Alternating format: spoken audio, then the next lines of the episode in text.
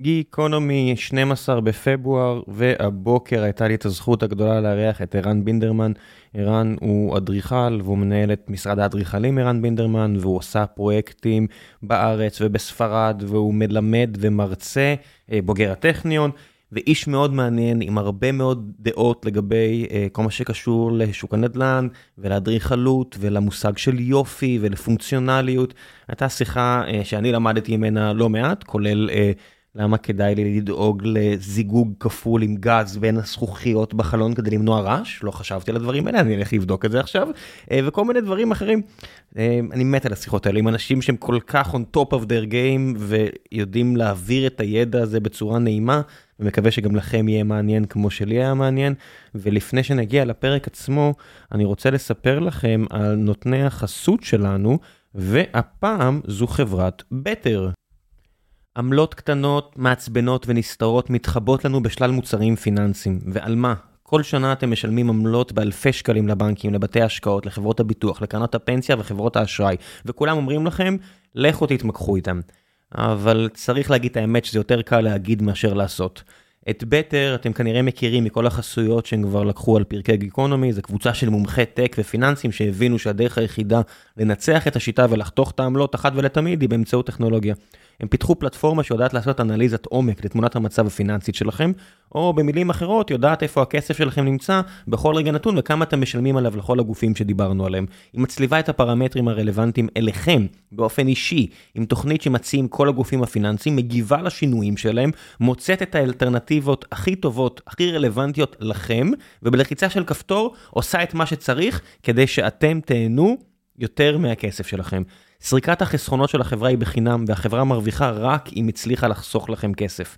זה מבטיח שהם עובדים תמיד לטובתכם ולא נותנים לאינטרסים אחרים להשפיע על השירות שהם מספקים. התקשורת מולה מדרך הזום ווואטסאפ, אבל יש גם נציג שירות טלפוני למי שמעדיף. לפרטים נוספים, חפשו בטר טכנולוגיה או ייכנסו לקישור המצורף לפרק.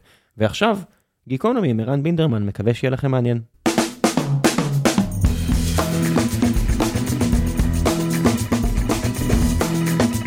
גיקונומי, ה-12 בפברואר, פרק 848, והבוקר יש לי את הזכות הגדולה לארח את ערן בינדרמן, אדריכל ובעל אה, משרד האדריכלים ערן בינדרמן, מלמד אה, בשלל מוסדות פה בארץ, אה, מרצה גם בין השאר על אדריכלות, נכון?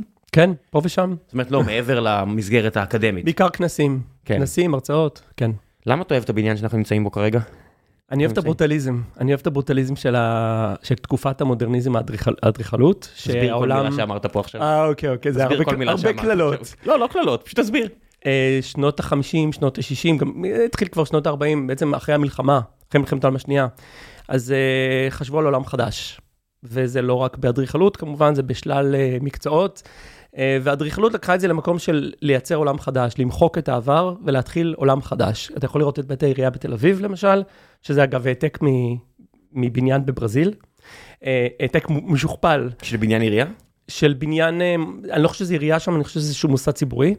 אה, לדעתי זה בברזיליה, שאתה יכול לראות את הבמה הענקית הזאת, שזה בעצם סוג של, אוקיי, שכבה חדשה, ועליה נייצר בניין חדש, נייצר משהו נקי, משהו בלי מניירות, בלי קוסמטיקה, בלי אה, קישוטיות, אפשר לומר. כן, כי אתה יודע, אני עכשיו הייתי ב- בקופנהגן, שזו עיר שמאוד מתגאית באדריכלות שלה, ואחד המקומות שהלכנו לראות זה בניין העירייה.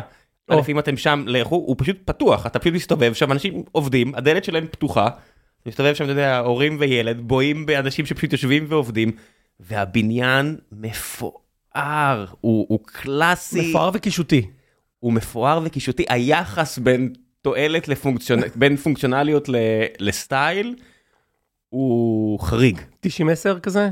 אני לא יודע להעריך, אתה, כן. זה המקצוע הרבה- שלך, לא הרבה שלי. קישוטים, הרבה מניירות ומעט אה, פונקציונליות. התקרה מאוד גבוהה, כן. הכל קשתות, קר, חם, יפים, כן. הכל הרבה style, ו- וחשבתי, מה זה בעצם מסמל? מצד אחד, יש הרבה מיסים במדינה הזאת, בדנמרק כמו בישראל, ואם זה הולך למשהו לא פונקציונלי, האם זה טוב או רע? מצד שני, איזה יופי. כן. אפשר להתרפק על העבר, ואנחנו אוהבים להתרפק על העבר, ויש המון שכבות של דברים שאנחנו אוהבים, אנחנו אוהבים דברים ישנים, אוהבים דברים חדשים, אבל השאלה מה נכון לבנות בתקופה שלנו, מה נכון לתקופה. אה, מין genius loci, אוקיי? genius loci זה אומר כאילו האמת שברגע הנתון, האמת של, ה, של התקופה הנתונה. וזה משהו שזה זה כבר מתקופת ויטרוביוס, ה genius loci, כן? מ, מיוון. ויש משהו ב, באמת של התקופה שאתה חי בה, שאתה אני אמור, אני, אתה אמור לרצות לבנות, ל, לייצג תקופה.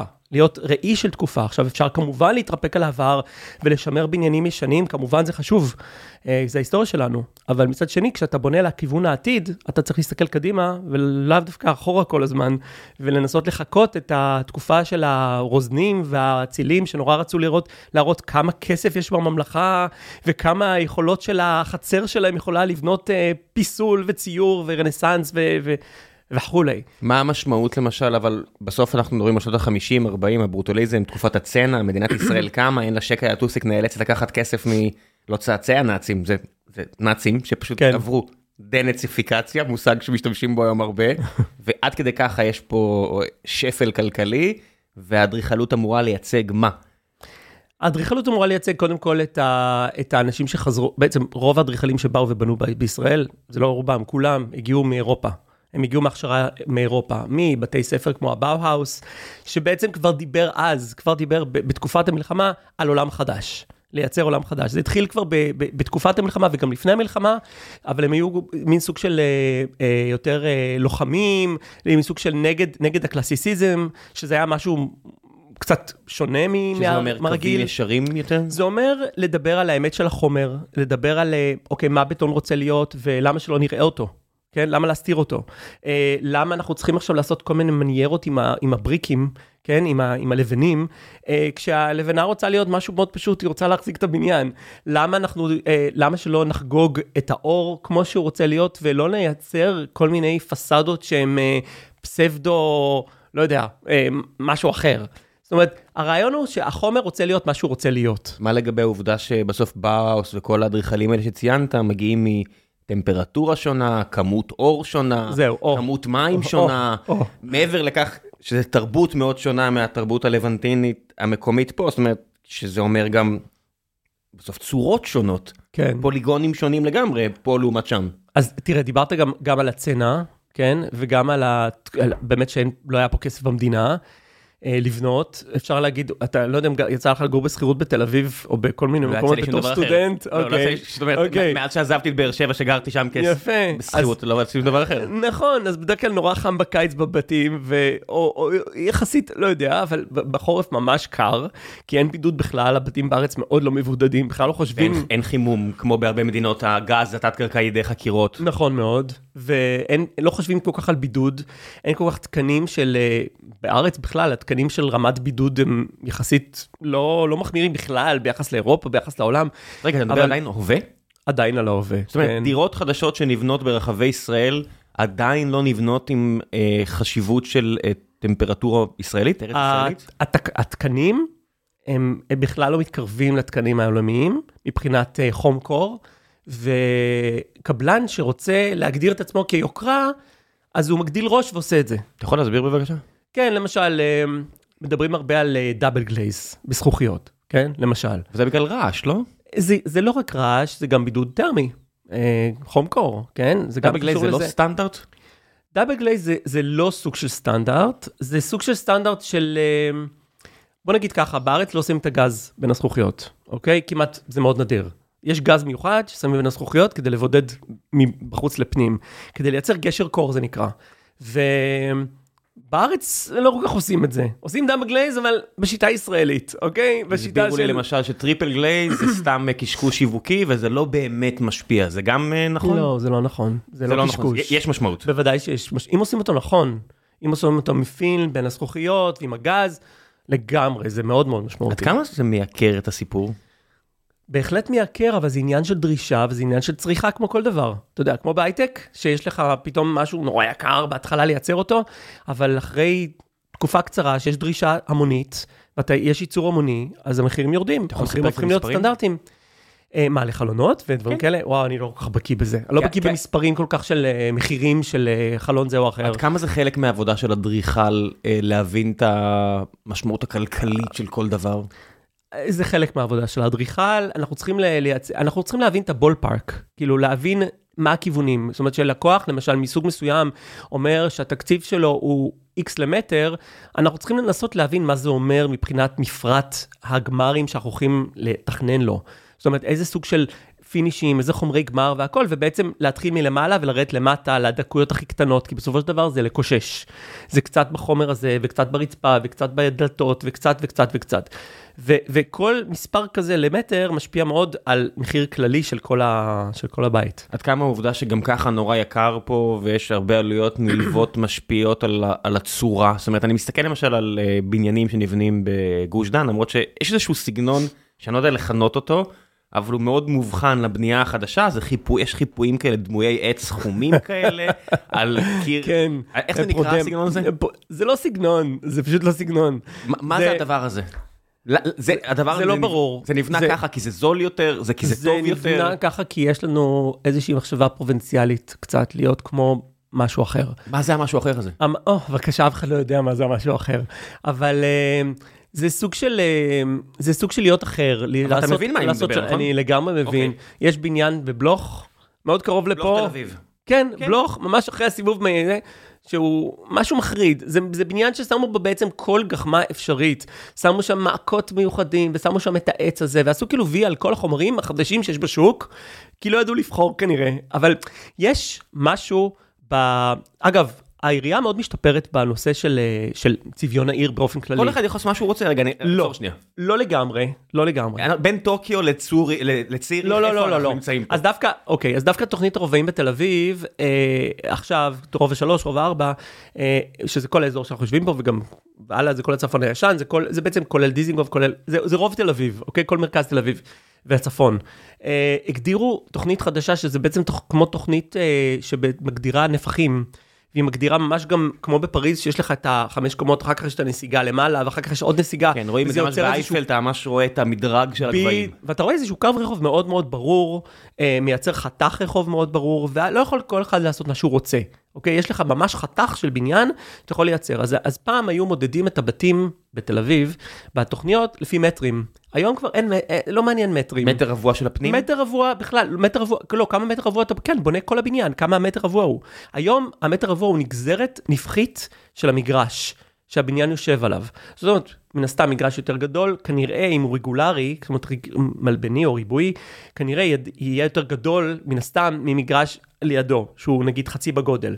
אבל יש נפח לרחוב, כלומר, יש קו בניין, כמה מתרחקים מהרחוב, כמה הגובה, כמה נסוגים אחר כך. זאת אומרת, מין מייצרים סוג של קופסה שיש לה חוקים, והיא אמורה לייצר קו רחוב יחסית אחיד. וזה נכון גם ל... עכשיו, לא יודע מה... בתי עירייה אחרים פה, עיריות אחרות בישראל? זה מתחיל עכשיו לחלחל לעיריות אחרות, בדרך כלל ההתחלה מתחילה מתל אביב, וזה מתחיל לחלחל גם לעיריות אחרות, כי זה בעצם משהו שתל אביב מקבלת מהעולם, מתחילה להבין שחתך רחוב ועיר צריכה לייצר איזושהי אחידות, אוקיי? משהו שהוא אחיד, משהו שהוא... כי מה קרה? בשנות ה-50, שנות ה-60 היה איזשהו סוג של צניעות. אוקיי? הגיעו, הגיעו אדריכלים עם סוג של צניעות וגם היה צנע וגם לא היה הרבה כסף, אז בנו בצור, בחומרים שהיה. עכשיו, לא היה עושר של חומרים.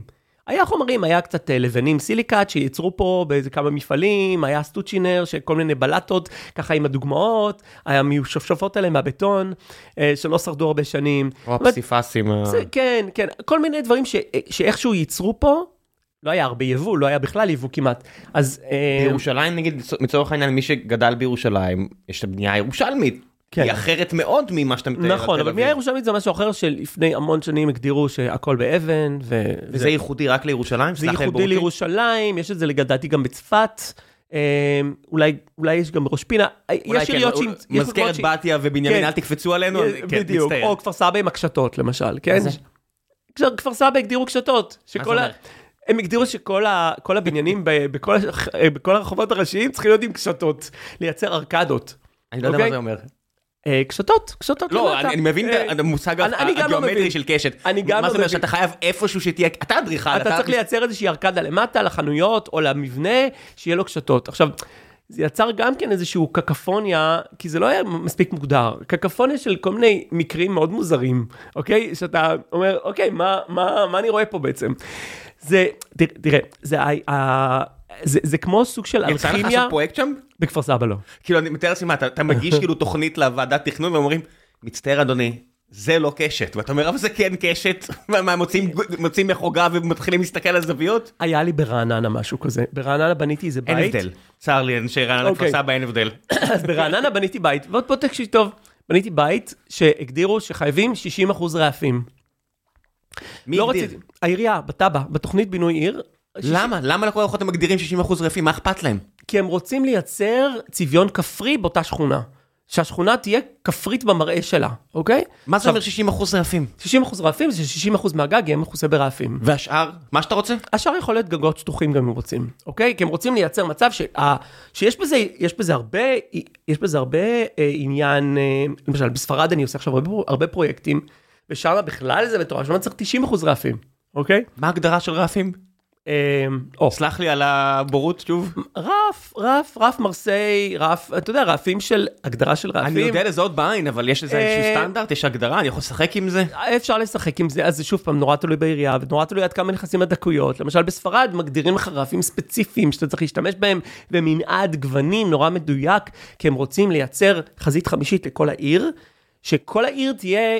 אה, המבט החמישי שלה, החזית החמישית זה החזית מלמעלה, שתיראה בצורה מסוימת, אוקיי? תראה משהו מאוד מיוחד, משהו מאוד תיירותי, משהו שאתה מצפה לראות. שאני יכול להבין את הדבר הזה, מין סוג נשמע של. הריטג', כן? נשמע יפה. כן. תרבות, קולטורה. נכון, אז רעננה. ברעננה מה עשיתי? אני ישראלי, כמובן מתחכם, כן? למה? עם ה-60 אחוז. למה אתה מתחכם? רציתי בית מאוד מודרני, הלקוחות רצו בית מבטון חשוף, אני לא יכול לעשות בטון חשוף ולמעלה פתאום לשים רפים, אז הכנסתי את הרפים קצת פנימה, ויצרתי בית בצורה של גרף של 60 אחוז.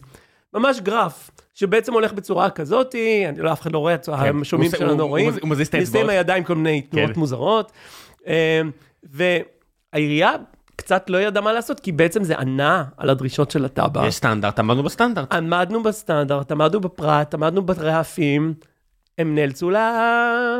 לחבל, לקבל את זה. מה זה המילה הזו שעכשיו אמרת? אה, אדריכלות. מודרנית. אה, זאת אומרת, ניסיתי להבין לאורך השנים מה בדיוק מוגדר בתור אדריכלות מודרנית, כי הרי מודרנה נכונה לשעתה. זאת אומרת, מן הידוע ש... כשאתה אומר אדריכלות כן. מודרנית זה לאותה תקופה, נכון, לאותו רגע. אפילו אפשר להגיד לאותו רגע. כן, כשאנחנו אומרים היום אדריכלות מודרנית, אנחנו מתכוונים בעצם יותר לתקופת המודרניזם, זה... אפשר להגדיר את זה כתקופת המודרניזם, שזה בעצם אה, תקופת סוף מלחמת העולם השנייה, איפה? אוקיי? זאת אומרת, אני בכל, מניח בכל, ש- זה בעיקר באירופה, אבל אוקיי, גם כן. בארצות הברית, לא, אבל בארצות גם... הברית יש הרבה עץ, יש דברים שונים לגמרי. נכון, אבל זה קיבל פרשנות שונה. אבל, ה, אבל האדריכלים שיצאו מאירופה, בעצם יצאו לכל העולם, מבתי ספר מאוד ספציפיים, כמו בית ספר הבאוהאוז, הם יצאו לכל העולם להפיץ את הבשורה של המודרנה. ואז בבית ספר הזה היו חוקים נורא ספציפיים שאיתם הם למדו, וכלים שאיתם הם עבדו. כלי עבודה. כמו למשל, הם למדו לעשות כל מיני דברים עם הידיים בשיטה של, אה, בשיטות של פעם, אבל בשיטות, ב- ב- ב- בצורה חדשה. כן, הם, היה להם כל מיני uh, כיתות לימוד של uh, גרפיקה ושל uh, שטיחים, ו, ומצד שני, גם יציקות בטון ו, ו, ודברים ש... המון דברים שאנחנו מעריכים היום דווקא. רגע, סלח לי. אדריכל יושב בגרמניה, לומד לעשות אה, בטון, אבל אז הוא מגיע, לא יודע מה. הברית או לישראל, ובסוף יש, סלחו לי על הגזענות, אבל יש בסוף, לא יודע, בחור שעושה לעצמו חיים יותר טובים ממקסיקו, שעושה את הבטון הזה, או פה בארץ, ברוב המוחלט של המקרים, נכון. בחור ערבי שעושה את זה, הוא לא למד בבאו-האוס, נכון מאוד. אז מה מה המשמעות זה שהאדריכל למד איך לעשות בטון, אבל אז מגיע מישהו אחר ועושה את הבטון? אה, לא, המשמעות היא שאתה מבין מה זה בטון, מה, מה היכולות של בטון, מה בטון יודע לעשות ומה הוא לא יודע לעשות, איפה הוא קורס, איפה הוא לא קורס, ובשביל לדעת לתכנן חומר, אתה צריך לדעת קצת לעבוד איתו. זאת אומרת, זה בעיניי כן חשוב לגעת בחומרים, ולא רק להסתכל עליהם מלמעלה ומרחוק ולהגיד, אוקיי, הם שמה. כאילו, אתה מבין בכל הדקויות של בטון? לג... ההבדלים של החול, ההבדלים של ב- הזה? כן, בוודאי, בוודאי. כשאני למדתי בטכניון, אז יש מעבדת בטונים, ואתה ממש עובד במעבדת בטונים, אתה משחק עם כמות הסיד, כמות הבטון, כמות החול, כמות הצמנט, אה, עם אה, תרכובות שונות, ואתה ואז מוחץ את הבלוק ואתה רואה מה קורה לו. אתה מתנסה בזה, וברגע שאתה מתנסה במשהו, אתה מבין, זה כמו ילדים שאתה משחק בחול. אתה, אתה, אתה, זה משהו במגע, גורם לך גם אה, קצת אולי גם להתאהב בחומר באיזשהו מקום. אתה נהנה מזה, זאת אומרת, אתה נהנה מהעשייה עצמה. דברים אתה- כמו למשל העמודים, שאנחנו רואים למשל שהם נורא נפוץ, לא יודע איפה שאני גדלתי, איפה שאני גר היום, יש עמודים, הבניינים נמצאים על עמודים. נכון. שזה לא משהו שראיתי בהרבה מקומות בעולם, לא שאני ראיתי את רוב העולם, אבל לא ראיתי את הדבר הזה. זה, זה המצאה ישראלית משום מה? זה משהו שהגיע אה, מאותם בתי ספר? יש, לא, אה, תל אביב וגם חיפה, אה, היה בחור בשם גזס, אה, שהוא בעצם אה, דיבר על תל אביב כעיר עיר ים. והרעיון בעמודים בתל אביב, כן, וכל הנסיגות של קומות הקרקע, שקומות הקרקע הרבה יותר קטנות, והן מאוד מועטות, והן רק חדרי מדרגות שעולים למעלה, אחר כך, אה, אחר כך התחכמו כמובן, והתחילו לעשות גם דירות קרקע, כן, אבל, אבל זה כבר בשלב שני. אז הרעיון היה להכניס את הבריזה מהים לתוך עומק העיר, אוקיי? כדי שהבניינים לא יחסמו את הרוח. שיש בזה המון המון יופי. אחר כך בשנות ה-80 באו ובנו את כל הבתי מלון שחסמו את כל החוף. שבאו והחריבו לו את התוכנית. אבל uh, אותה תוכנית גדס גם דיב- דיברה על, uh, יצרה את השדרות בתל אביב. אוקיי? את כל השדרות ההאוסמניות, כמו בפריז, אז הביאו את הרעיון של השדרות הגדולות, שדרות חן, שדרות רוטשילד, uh, שבשנים האחרונות, בוא נגיד ב-20 שנים האחרונות, פתאום עיר, העיר תל אביב גילתה את השדרות מחדש. גילתה מחדש את הקיוסקים, גיל, גילתה מחדש את החיים בשדרה, שפעם בעצם זה, החזירו את הרעיון קצת למה שהוא היה אמור להיות, שזה מקסים, מה שקורה בעיר. זה משהו מיוחד? זאת אומרת, אני, כן, אני מאוד חושב אוהב את השדרות בעיר, גם בחיפה, שאתה הולך נגיד בשדרה מתחת נכון. לבאוהאוס, לא לבאוהאוס, לגנים הבאים, סליחה, סליחה, סליחה, מתחת לגנים לא הבאים, גרמנים אלא נכון. הבאים, אז אתה יורד מהבאים ויש שדרות כאלה נכון, רחבות. שזה אותה תוכנית, ויש בזה משהו מאוד מאוד נכון מבחינת חיי רחוב, חיי פארק, חיי גן לייצר. אמ, למה נגיד בגבעתיים זה נפסק? הרי מה ההבדל לשם השמיים, ההבדל בין תל אביב לגבעתיים? למה פתאום אתה כי עובר, זה גבעתיים- נהיה צפוף יותר? כי גבעתיים לא כל כך, אני לא חושב שגבעתיים תוכננה כעיר, גבעתיים תוכננה כ... זה אומר? לא לדעתי היא לא תוכננה כעיר מלכתחילה, זה משהו שנוצר, נוצר פשוט התרחבות של, התרחבות של תל אביב לאט לאט החוצה, וזה מין סוג של פרבר. אוקיי? שבעצם לאט לאט הת- התחיל להצטופף והפך להיות עיר עם הזמן. ו, והתכנון ה- המלא שלה, למרות שיש שם כמה... כמה פינות קסם מאוד, אני גרתי בגבעתיים ויש שם כמה פינות קסם לא, לא, נפלאות. אני לא מדבר על תלונות. לא, יש- מצטער. לא, יש- יש אבל- יש יתרונות וחסרונות לכל כן. דבר. לצפיפות הרי וכל האנשים אה, שמתעסקים בתחבורה, שאירחתי פה לא מעט כאלו, ואנשים אני יודע שהם גם מאזינים, יש הרבה יתרונות. אני למשל בן אדם שמאוד אוהב ללכת. אין דבר שאני יותר אוהב מלקבל פעם בחודש את העדכון מגוגל. גם. הלכת 48 שעות בחודש. האחרון, נסעת 5 שעות, אני מת על זה. נכון, נכון. יכול להיווצר רק במקום שהוא מאוד צפוף. או. שיש לי את כל השימושים שאני צריך או. במרחק הליכה. בוא נדבר על צפיפות. בוא נדבר על צפיפות. על מה קורה בצפיפות פה בארץ. כן. ובכלל, במיוחד בישראל, אבל בכל העולם. הרי הקורונה לא הצליחה להשמיד אותנו, לא הצליחה לדלת את האוכלוסייה כמו שהיא ניסתה. אה, מלחמות, אה, כאילו, לא, לא, זה לא כמו מלחמות במלחמת העולם הראשונה, שמתים מיליוני אנשים. שם היה. גם מחלה שהרגה. מחלות, כן. מחלות שיודעים להתגבר עליהן בטכנולוגיה. אז היום, היום אני, אני רואה איזשהו סוג של בעצם נקודת מפנה מסוימת, אה, מאוד מאוד, כאילו ככל שעובר הזמן, כמובן הצפיפות הולכת וגדלה בצורה אקספוננציאלית, מן הסתם. אה, במיוחד בארץ רואים את הילודה שלא נעצרת, אוקיי? משפחות, אה, לפחות אם אין שלושה ילדים, זה כאילו לא משפחה היום נחשב, כאילו אנשים כאילו מסתכלים, אומרים, אוקיי, מה, מה עלה, מה קורה? כן, מה... מצד שני אתה מספר שהכל הגיע מאירופה, היכן שהאוכלוסייה בטח שלא גדלה, אלא בלי הגירה היא קטנה ואפילו די נכון, מהר. נכון, נכון. אה, זה משהו, זה משהו שגם לדעתי קשור למשפחה היהודית פה בישראל, אה, וכמובן אפשר גם משפחות ערביות, שזה תרבות דומה של ה... ישראל של ה- מתפוצצת מאוכלוסין, כן. מתפוצצת מאוכלוסין. אה, במקביל יש, כמו שאתה רואה עכשיו, למשל, עבודה, בעיה קשה מאוד של פועלים, אוקיי? למשל, אנחנו רואים את זה במלחמה עכשיו, שרק עכשיו אנחנו רואים שכמה כמה אנחנו תלויים בפועלים שעושים עבודה יחסית, יחסית מאוד פרימיטיבית. וזה מביא אותי לשאלה הבאה, מבחינתי, נושא שאני מתעסק בו הרבה בחשיבה, כבר הרבה שנים, למה אנחנו עדיין, ואני מדבר איתך על טכניון, על בטון ועל כל הדברים האלה, למה אנחנו עדיין בונים בשיטה כל כך פרימיטיבית, ולמה עולם הבנייה כל כך הולך מאחורי מה שקורה בטכנולוגיה. הטכנולוגיה מתפתחת בצורה מטורפת, אנחנו בעולם דיגיטלי, בעולם וירטואלי, הבן שלי חצי מהיום מבלה בעולם לא הפיזי, אוקיי? בעולם שהוא וירטואלי. לא, הוא מבלה בעולם פיזי, אולי תודעתו בעולם וירטואלי, הוא חי בדירה, הוא חי בבית, הוא גר נכון. בעיר, אולי הוא לא יוצא מהבית. הוא חי אבל- בבית, אבל כשיש לו אוזניות על ה... שיש לו... הוא לגמרי מנותק הוא מהעולם מנותק הפיזי. מהעולם, והוא בתוך כן. משחקים תלת-ממדיים אחרים, כן. עולמות חדשים, עולמות וירטואליים, אפשר לומר, עם אנשים שהוא לא מכיר וכן מכיר, חלק מהחברים שהוא מכיר וחלק מהחברים שהוא לא מכיר, גם ממדינות אחרות, ובעיניי זה כבר, זה כבר שלב הבא, אוקיי? זה כבר מתחיל להיות השלב הבא, זה עוד לא שם, זה עוד לא לגמרי שמה. ו- ונשאלת שאלה, למה אנחנו עכשיו אה, במקביל בונים את הבית שלנו כמו שבנינו אותו בגדול לפני, אפשר להגיד 500 שנה, אפילו לפעמים אלף שנה, מאיזו בחינה? זה, זה אותו דבר, לא השתנה כלום. לא השתנה כלום בבנייה. יוצקים את הבטון, בונים את הבלוקים האלה. אוקיי, וואו, עושים גבס, קירות גבס, וואו, סופר טכנולוגי, כן? החיים שלנו מאוד דינ- דינמיים כבר. המשפחות הן לא משפחות רגילות כבר, זה לא משפחות של פעם, של, שכולם גרים ביחד, והסבתא באה ומטפלת בילדים, זה, זה לא עובד, הכל, התפת, הכל השתנה. ההרכב החברתי גם השתנה, ומשתנה גם.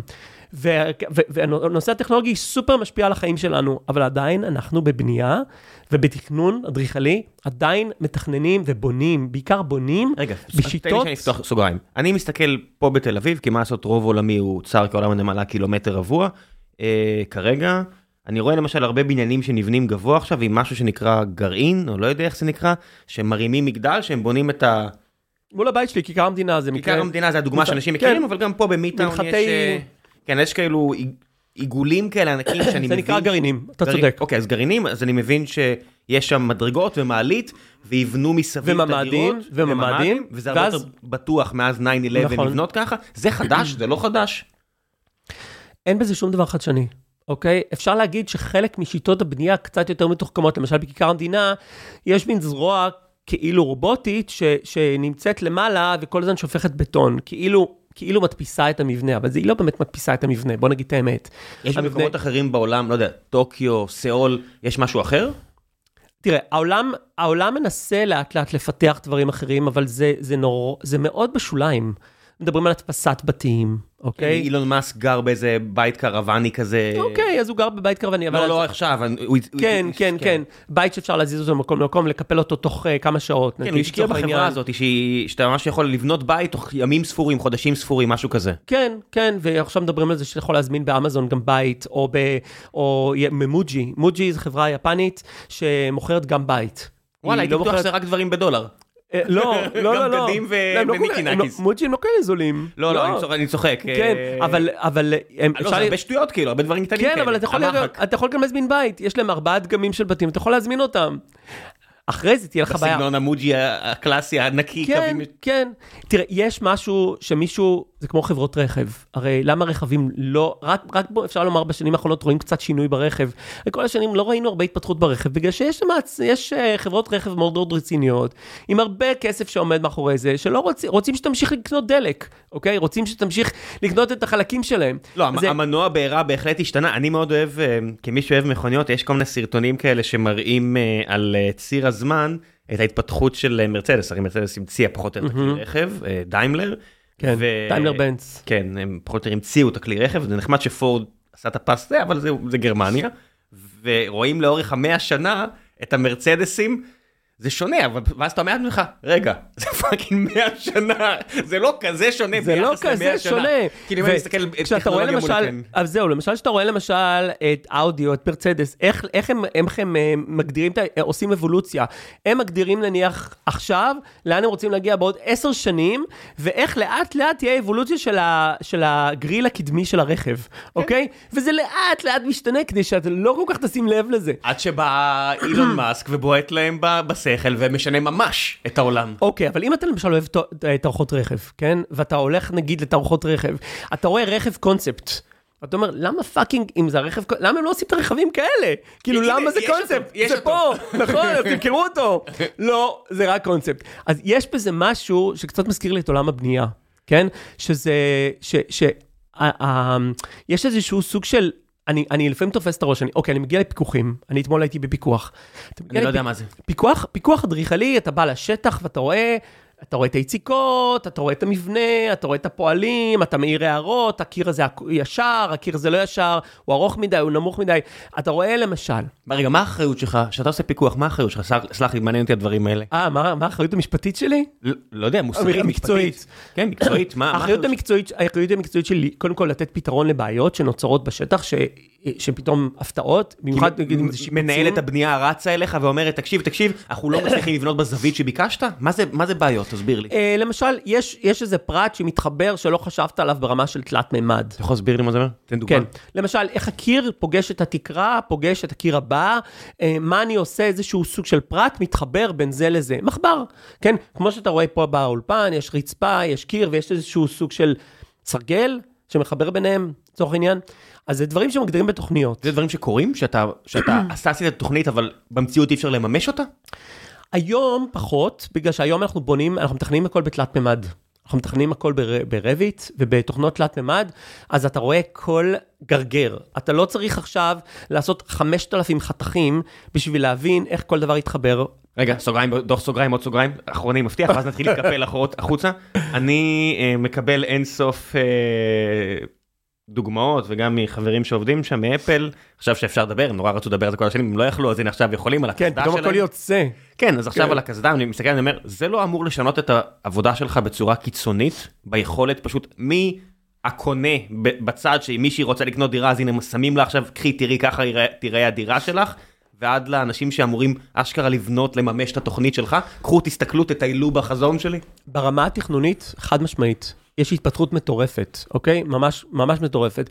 גם מתוכנות והדמיות שאנחנו עושים, היום אני לא עושה שום פרויקט בלי הדמיות, בלי שלקוח יראה בדיוק איך הבית שלו יראה. כל חדר וחדר. נגמר הפלסטלינה, אין קרטון ביצוע, אין פלסטלינה, אין חימר.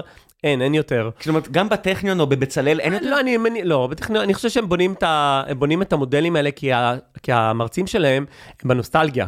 אז הם לא יכולים לוותר על זה, שגם הם ירגישו קצת את החומר ואיך זה לבנות מודל. זה כמו לנווט בלי GPS בצבא, למה ככה? בסדר, אוקיי. למה אנשים עושים, אה, למה לומדים לנהוג על אה, הילוכים, למרות שבחיים ינהגו על הילוכים? יכול להיות, תראה, אנחנו מסבירים את זה להרבה פעמים, נגיד לסטודנטים, שהכלים מתפתחים ומתרבים, וצריך לדעת להשתמש בכל כלי ברגע שהוא, שהוא צריך אותו. זאת אומרת, אתה נגיד, לצורך העניין, אתה רוצה עכשיו לעשות, לפסל חימר, אז אתה משתמש בכלי מסוים, אתה רוצה לעשות משהו אחר, אתה משתמש במכחול. אז יש לך כל מיני כלים, והכלים הולכים ומתרבים. עכשיו, אלה הכלים שלך, יאללה, תתחיל להשתמש בהם. אבל יש בזה משהו קצת רומנטי, בגלל ש... בוא, אני לא חושב שיש משהו עכשיו במודל עם קרטון ביצוע, או עם חמר, או עם לא משנה מה הפלסטלינה, שיעזור לך להבין, או יעזור לך במשהו יותר מאשר עכשיו במחשב, שאתה עושה משהו נורא נורא מהר.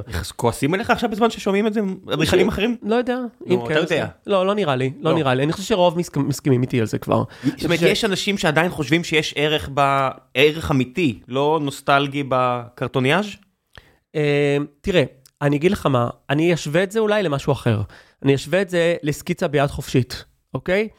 הדור היום שלומד אדריכלות כמעט ולא משתמש בעיפרון יותר ובנייר אה, סקיצה, נייר סקיצה זה נייר חצי שקוף כזה ששמים על ועל ועל ועל כדי לעשות סקיצות. עושים אוקיי? וואקומים? סקיצות זה בשביל, הם עובדים ישירות על מסך. אוקיי? ויש להם אה, יכולות לעבוד על המסך בצורה זריזה בשביל לראות דברים, איך הם, והם יכולים, המוח שלהם יכול אה, לנסות דברים. אני, אני למשל, אם אני עובד על מחשב, אני כבר צריך ממש להכניס מידות מבחינתי. זאת אומרת, אני כאילו צריך כבר לדעת מה אני רוצה, אבל עד הסוף. ומבחינתי, הכלי עבודה הזה, בגלל שאני מוגבל, זה לא בגלל שמישהו, אני, אני למדתי בשיטה אחרת, אז היד שלי כל כך מורגלת, יש לי חיבור בין יד למוח ולעיניים, כאילו חד, חד, אה, אפשר, אי אפשר להסביר אותו. זאת אומרת, כשאני עושה סקיצה ביד חופשית, יש בי משהו נורא משוחרר. אוקיי? כשאני על מחשב, אני לא משוחרר כמו שאני עם עיפרון. אתה כל היום מצייר? אני המון עושה סקיצות. לא, אני כל היום... כשאתה מצייר, עד כמה אתה פשוט מצייר, אתה יודע, אתה פשוט uh, מש, משתגע ואתה אומר, וואו, מה זה? זאת אומרת, אתה יודע, כמו מוזיקאי שמנסה אה. ריפים חדשים וכאלה. או שאתה מאוד uh, קורקטי. לא, לא, לא, אני, אני לא יודע, אני, אין דודלים לא יפים? לא חשבתי על זה, יש דודלים מאוד יפים, אני לא חשבתי על זה הרבה. אני עושה דודלים, אגב, על קירות לפעמים, בפיקוחים. כשאני הולך לפיקוח, לשטח, אני, אני עושה סקיצה על הקיר, בשביל להסביר מה לעשות לפעמים, איך לפתור את הבעיה, כן? כי נוצרת פתאום בעיה לפעמים. אין, במיוחד אגב בשיפוצים, במיוחד נגיד של פרויקטים בספרד שאני עושה עכשיו, יש שם הרבה בניינים מאוד מאוד ישנים, שאתה, אין לך תוכניות שלהם באמת, אתה לא יודע מה יסתתר לך מאחורי הקירות. ברגע שאתה... מה זה תמה? היי חבר'ה, לפני שנחזור לפרק הזה, אני רק רוצה להזכיר לכם שנותני החסות שלנו זה חברת בטר, חברה של מומחי הייטק ופיננסים שהבינו שהדרך היחידה לנצח את השיטה היא ולחתוך את העמלות, אחת ולתמיד היא באמצעות טכנולוגיה. סריקת החסכונות של החברה היא בחינם, והחברה מרוויחה רק אם הצליחה לחסוך לכם כסף. זה מבטיח שהם עובדים תמיד לטובתכם, ולא נותנים לאינטרסים אחרים להשפיע על השירות שהם מספקים. התקשורת מולה מדרך הזום ווואטסאפ, אבל יש גם נציג שירות טלפוני למי שמעדיף. לפרטים נוספים, חפשו בטר טכנולוגיה, או ייכנסו לקישור המצורף לפרק. ועכשיו, בחזרה לפרק, מקווה שמעניין לכם. מה אמרת עכשיו? יש בניינים ישנים? אוקיי, מה, אתה אדריכל, מה באת לעשות בעניין ישן? אה, למשל, בספרד כרגע אנחנו עושים אה, כמה פרויקטים של בתי מלון, מלונות קפסולות וכל מיני דירות, אה, כמו דירות Airbnb של השכרה. ובעצם אנחנו נכנסים לתוך בניינים ישנים ועושים להם מה שנקרא reuse. זאת אומרת, אם פעם הם היו, היום חלקם היו נטושים, חלקם לא, אז אם לצורך העניין, זה שימש אה, משפחה למגורים, אז הבניין מתרוקן, ואז הופכים אותו לצורך העניין למלון, או להוסטל, או למה שלא יהיה. וזה עכשיו, אפשר? בוודאי שאפשר, בגלל שהבניין מבחוץ נשאר אותו דבר, אתה משמר אותו. הוא מספיק טוב, לא יודע, בארץ אני מסתכל, אני גר בבניין כזה, שאני אומר, אוקיי, ברגע שאני אעזוב ועוד משפחה אחת, ועושים שפור והוא נופל. לא, צריך להרוס אותו, כי הוא לא, ישן אבל... והוא לא טוב. הוא לא אוקיי. טוב. אז רגע, אז אני, אני אולי נרחיב על זה רגע. כן. כי נושא של תמ"א נוצרה, זה לא רק לא טוב, הוא פשוט לא קונסטרוקטיבי. הוא לא, הוא ייפול ברעידת אדמה. הוא לא עומד בגלל... בתקן של 80 ומשהו, 90 ומשהו של כן, רעידת אדמה. נכון, היום התקן מחייב משהו מסוים, וגם דיברנו על אנו באנו ועל שנות הצנע, שבנו את הבניינים, בחומרים שהיו פה, והחומרים היו מאוד דלים, בנו את, את הבניינים מחול. אוקיי? ומה לעשות, זה לא מחזיק מעמד הרבה שנים. לא בנו, אגב, את כל הבניינים בארץ שבנו, לא בנו אותם לתקופה כל כך ארוכה, הם לא אמורים להחזיק מעמד יותר מ-100 שנה. הם אמורים להחזיק 50 שנה, 60 שנה, לא יותר זה, מזה. זה, זה משהו שמהנדס בניין ואדריכל ממש ידעו? שזה לא, שזה לא הולך להיות... אני חושב שכן, אני חושב שהם אה, מהר מהר בנו, כי הגיעו אנשים, היו עליות והיו צריכים לבנות בניינים מהר יחסית, ורוב הבניינים, למעט כמובן מקרים ספציפיים של קבלנים מאוד טובים, אדריכלים מאוד טובים שנורא השקיעו, ו- וזה גם היה למשפחות בדרך כלל יותר עמידות, נבנה, אז uh, רוב הבניינים נבנו לתקופה יחסית לא ארוכה. אומרת, זה, זה עם טכניקות, נגיד, אני התעניינתי בדירה וגיליתי רק בסוף שיש, לא הבנתי למה היא זולה יותר, חשבתי שאני גאון הדור, אני לא, מן הסתם. אה, גיליתי שרק בסוף שיש פלקל.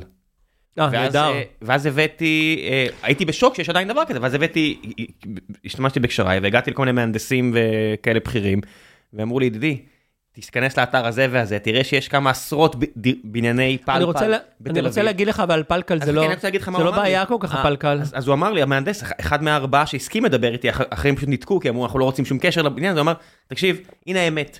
פלקל זה לא כזה נורא כמו שאתה לא, חושב, יש מלא שיטות הרבה יותר גרועות, אבל, אז אמרתי אז אתה תיקח איתי את הפרויקט? הוא אמר, לא, כי המוניטין כל כך גרוע, יצא לזה, לא בדיוק. בצדק, שאני לא רוצה לגעת בפרויקט, כי אתה תכעס עליי אם משהו יקרה וכאלה, בשביל הסיכוי הקטן שלו. זה מטורף. אני, אני אגיד לא, ואתה תמשיך לה, אה, בעניינך ואתה לא תקנה את הדירה הזאת, וזה מה יש. תראה איך הכל מיתוג, הכל זה מיתוג. לא, הוא אמר לי שיש שיטות הרבה יותר גרועות, שאתה לא יודע עליהן, ואתה תקנה דירה אחרת עם שיטה גרועה יותר. פלקל זה לא שיטה גרועה, פלקל זה פשוט מה שקרה ספציפית, זה קרה, אני לא, אני לא אכנס לזה, אבל זה, זה, זה בגלל, זה בעיות, כשלים של ביצוע. אה, אוקיי? זה, זה כשלים של ביצוע וכשלים של שימוש. זה לא כשל שיטתי. השיטה היא, אגב, מי שהמציא את השיטה של הפלקל, אדם מחונן. כן, באמת, קונסטרוקטור מחונן, אה, ש, שהמציא שיטה... אתה מכיר אותו? חד, אני, אני הכרתי אותו briefly, מה שנקרא. אה, הוריי לדעתי מכירים אותו דרך חברים משותפים. הוא הלך? Uh, אני חושב, ש... אני לא, לא יודע, אני לא רוצה. קוראים לו פלו קל, לא, לא, לא. לא, אני צוחק, לא זוכר את שמו, כן. אבל אבל אני דווקא, בזמנו אני מאוד התעניינתי בזה, וזה כן שיטה מאוד חכמה. וזו שיטה שקיבלה את כל התקנות, את כל התקנים, עברה המון המון, אה, וזה לא משהו שמישהו המציא ואמר, יאללה בוא ננסה, זה לא עובד ככה. זה עדיין קיים, עדיין מהנדס העירייה, כן. כל שנה מאשר את הבניינים האלה, לפחות על תל אביב אני יודע, שהם נבנו בקלפי, כל שנה הוא מגיע ומאשר את הבניינים האלה. בגלל... חותם עליהם. בגלל, בגלל הבלגן הציבורי שהיה, ובגלל הבית משפט שהיה, בגלל, בגלל הטראומה, כן. הטראומה הנוראית, שאנשים מתו, ובוודאי שזה נורא ואיום. אבל זה היה פשוט בניין של ביצוע ולא אסטרטגיה, זאת אומרת לא השיטה? זה ביצוע ושימוש. שימוש, זה ביצוע ושימוש. העמיסו על הבניין הרבה מעבר למה שהוא אמור לקבל אחר כך. כלומר, וזה היה אולם אירועים, ועשו שם כל מיני, אני לא, לא, לא זוכר את הפרטים המדויקים, אבל היו שם כל מיני כשלים הרבה מעבר לתכנון ההנדסי של הבניין. אתה כאדריכל שמגיע נגיד עכשיו בפרויקטים האלה בספרד, סוגרים קצת סוגריים, אתה מגיע, אתה מה, מתייעץ עם אה, מהנדסות בניין כדי שהם יגידו לך אתה מגזים עם כמות הבטון, לא יודע מה? אני, אני ככה, אני... או שאתה יודע את זה כבר, כי כש- אתה... קודם כל, כשאני מגיע לספרד, אני לא רשאי לחתום על בניינים, אוקיי? אני אדריכל בארץ. ברגע, ש, ברגע שאתה מסיים לימודים, אתה, יש מסלול מסוים, אתה מסיים את הלימודים בתור אדריכל, אתה אה, צריך לעבור מבחנים, אתה צריך להתנסות, לעשות סטאז' במשרד, ורק אחרי שעשית את כל הדברים האלה ועברת בהצלחה, ועברה תקופה מסוימת של לדעתי סטאז' שעברת את כל הדברים שהיית צריך לעשות, אתה מקבל אפשרות לחתום על בניינים. כמה שנים זה? חתימה. חמש שנים זה לימודים? ומה עוד? חמש שנים לימודים, היום, אני, אני, בזמנו שאני למדתי, לא היה את המבחן וזה, בזמנו שאני למדתי רק היה את הנושא של ה- לסיים, לעשות סטאז' וזהו. היום יש מבחן אה, מורכב, שזה נכון לעשות, אה, ש- וגם, וגם סטאז' שאתה צריך בעצם להוכיח שאתה עברת דברים ספציפיים במהלך הסטאז' של הלימוד, במהלך הסטאז' מה, עשית- במשרדים. עשיתי מחסן, עשיתי חנייה, עשיתי בית? כן, דברים כאלה, בדיוק, חד משמעית. דברים שהתנסית בהם, שהם אמורים, אתה חייב להתנסות בהם כחלק מה... צ'קליסט. בדיוק. אוקיי, fair enough, אז אתה מגיע, אתה לא יכול לחתום בספרד. אתה, אני אתה- לא יכול לחתום בספרד, ולכן אם אני רוצה להמש, לעבוד כאדריכל ממש רשוי, מה שנקרא רשוי בספרד, אני צריך לעבור שם מבחן או הכשרה מסוימת, ולכן לכן יש אדריכלים מקומיים. אני גם לא מדבר ספרדית. לצערי, ויש עוד תמיד אדריכל מקומי שהוא אחראי על ההיתרים, ואני אחראי על כל הקונספט, על הקטע הוויזואלי, על נושא של העיצוב פנים, על בחירת חומרים, על הליווי, על המיתוג, על המון המון המון דברים. ואתה חי את התרבות המקומית, זאת אומרת, נגיד, אם יגיע לפה אדריכל זר, הוא חס וחלילה, לא יעשה את החיפויי עץ החומים האלה על, על הדירה, ואז מה יגידו הדיירים? זאת אומרת, נכון. אין את המקבילה בספרד שאתה תעשה משהו, יש. יגידו לך, מה זה? זה לא שלנו. אתה צודק. אני חושב שאבל דווקא כשאתה בא מבחוץ, אתה גם, אני חושב, יותר נוטה לכבד את מה שאתה רואה, כי אתה בא בתור אורח, אני לפחות, אתה לוקח דברים פחות כמובן מאליו, אז אתה מסתכל עליהם בעין קצת אחרת. ואני אני, אני לא חושב, אני, וגם כמובן יש תקנות עירוניות, שם התקנות סופר מחמירות. שם אתה צריך לאשר חזיתות, אתה צריך לאשר חומרים, אתה צריך לצבוע בצבע שהם יגידו לך באיזה צבע לצבוע. הם לקחו את זה קצת רחוק מדי. כן. יש לך Google Translate? איך אתה חי את העולם הזה? לא, באמת אני שואל, איך טכנית זה עובד? אה, המסמכים אני מניח הם בספרדית? לא, יש, יש צוות מקומי ש, שמלווה אותי, יש את האדריכל המקומי שמדבר גם אנגלית כמובן, ומסביר, אה, ועובדים ביחד כצוות. הם נחמדים? מאוד, מאוד. איך- איך- ת- תשווה לי שנייה בין הבנייה, בין בסוף יש עניין של ביצוע, נכון? ככה זה נקרא?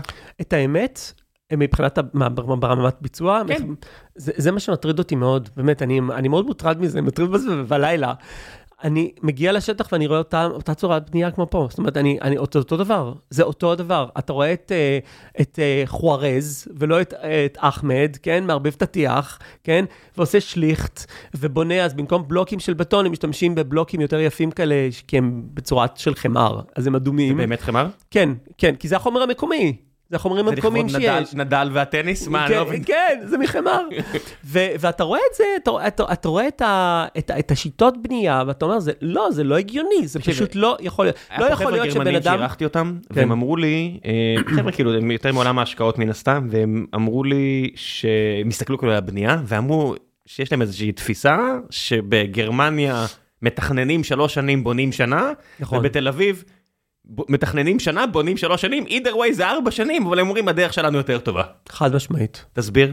חד משמעית. הדרך יותר טובה. אמ, תראה, בוא ניקח את זה משלב... למה זה נמרח שלוש שנים אצלנו אם, אם כבר סיימת לתכנן? כאילו, מה, פשוט לא תכננת כמו שצריך ואז יש השלמות ותיקונים וכאלה? לא, אתה ספציפית. אתה אלא. יכול, קודם, כל, קודם כל שלב התכנון הוא יחסית קצר, זה נכון, אבל שלב ההיתר הוא סיוט, סיוט מתמשך בישראל. להוציא היתר בישראל זה, זה חתיכת סיוט, ואני חייב להגיד, שאני חייב להגיד לטובת ישראל, שעכשיו בספרד, זה עוד יותר סיוט. אני לא בטוח שאנחנו צריכים להשוות את עצמנו לספרד, אני ספרד רואה- זה לא המדינה הכי... אני במקרה מכיר עכשיו, כי אני חזרתי משם לפני כמה ימים, אבל אני רואה כמה זמן, לא- אנחנו בבניין אחד, fucking, בבניין אחד אנחנו fucking ארבע שנים בהיתר, ארבע שנים בשלב היתר. תסביר לי את הדינמיקה. מה זה אומר ארבע שנים? אני לא מבין, כאילו, תסביר מה זה אומר. הדינמיקה שארבע שנים מנסים להוציא היתר לבניין ולצאת ומה לשטח. קורה בין לבין? ארבע שנים זה יותר מאלף ימים, מה קורה פשוט שם? מחכים, מחכים, מחכים, מחכים. למה? מה קורה בין לבין? לוועדות, ולמישהו שבעירייה ייקח החלטה וייקח אחריות. היום העולם לא רוצה לקחת אחריות, אנשים בעולם לא רוצים לקחת אחריות. זה שחיתות, זה בינוניות, מה זה? זה, לא שחיתות ולא בינוניות, זה פשוט חוסר יכולת לקחת? הכרעה. מה- חוסר יכולת לקחת הכרעה. מה זה אומר? אפשר להגדיר את זה כבינוניות. אה, מה, הם עובדים מעט? למשל, בניין לשימור שרוצים לעשות לו בניין לשימור מחמיר, שרוצים להכניס לו עכשיו אה, פנימה מלון, אוקיי? הם רועדים מפחד, הם למה? אומרים, וואו. מה יקרה? לא, מה שאלה- הסכנה? זה זה אם בטוקיו רצים קדימה, בונים עיר ל-40 מיליון זו אנשים שאלה תוך שנייה. מצוינת. מה יקרה?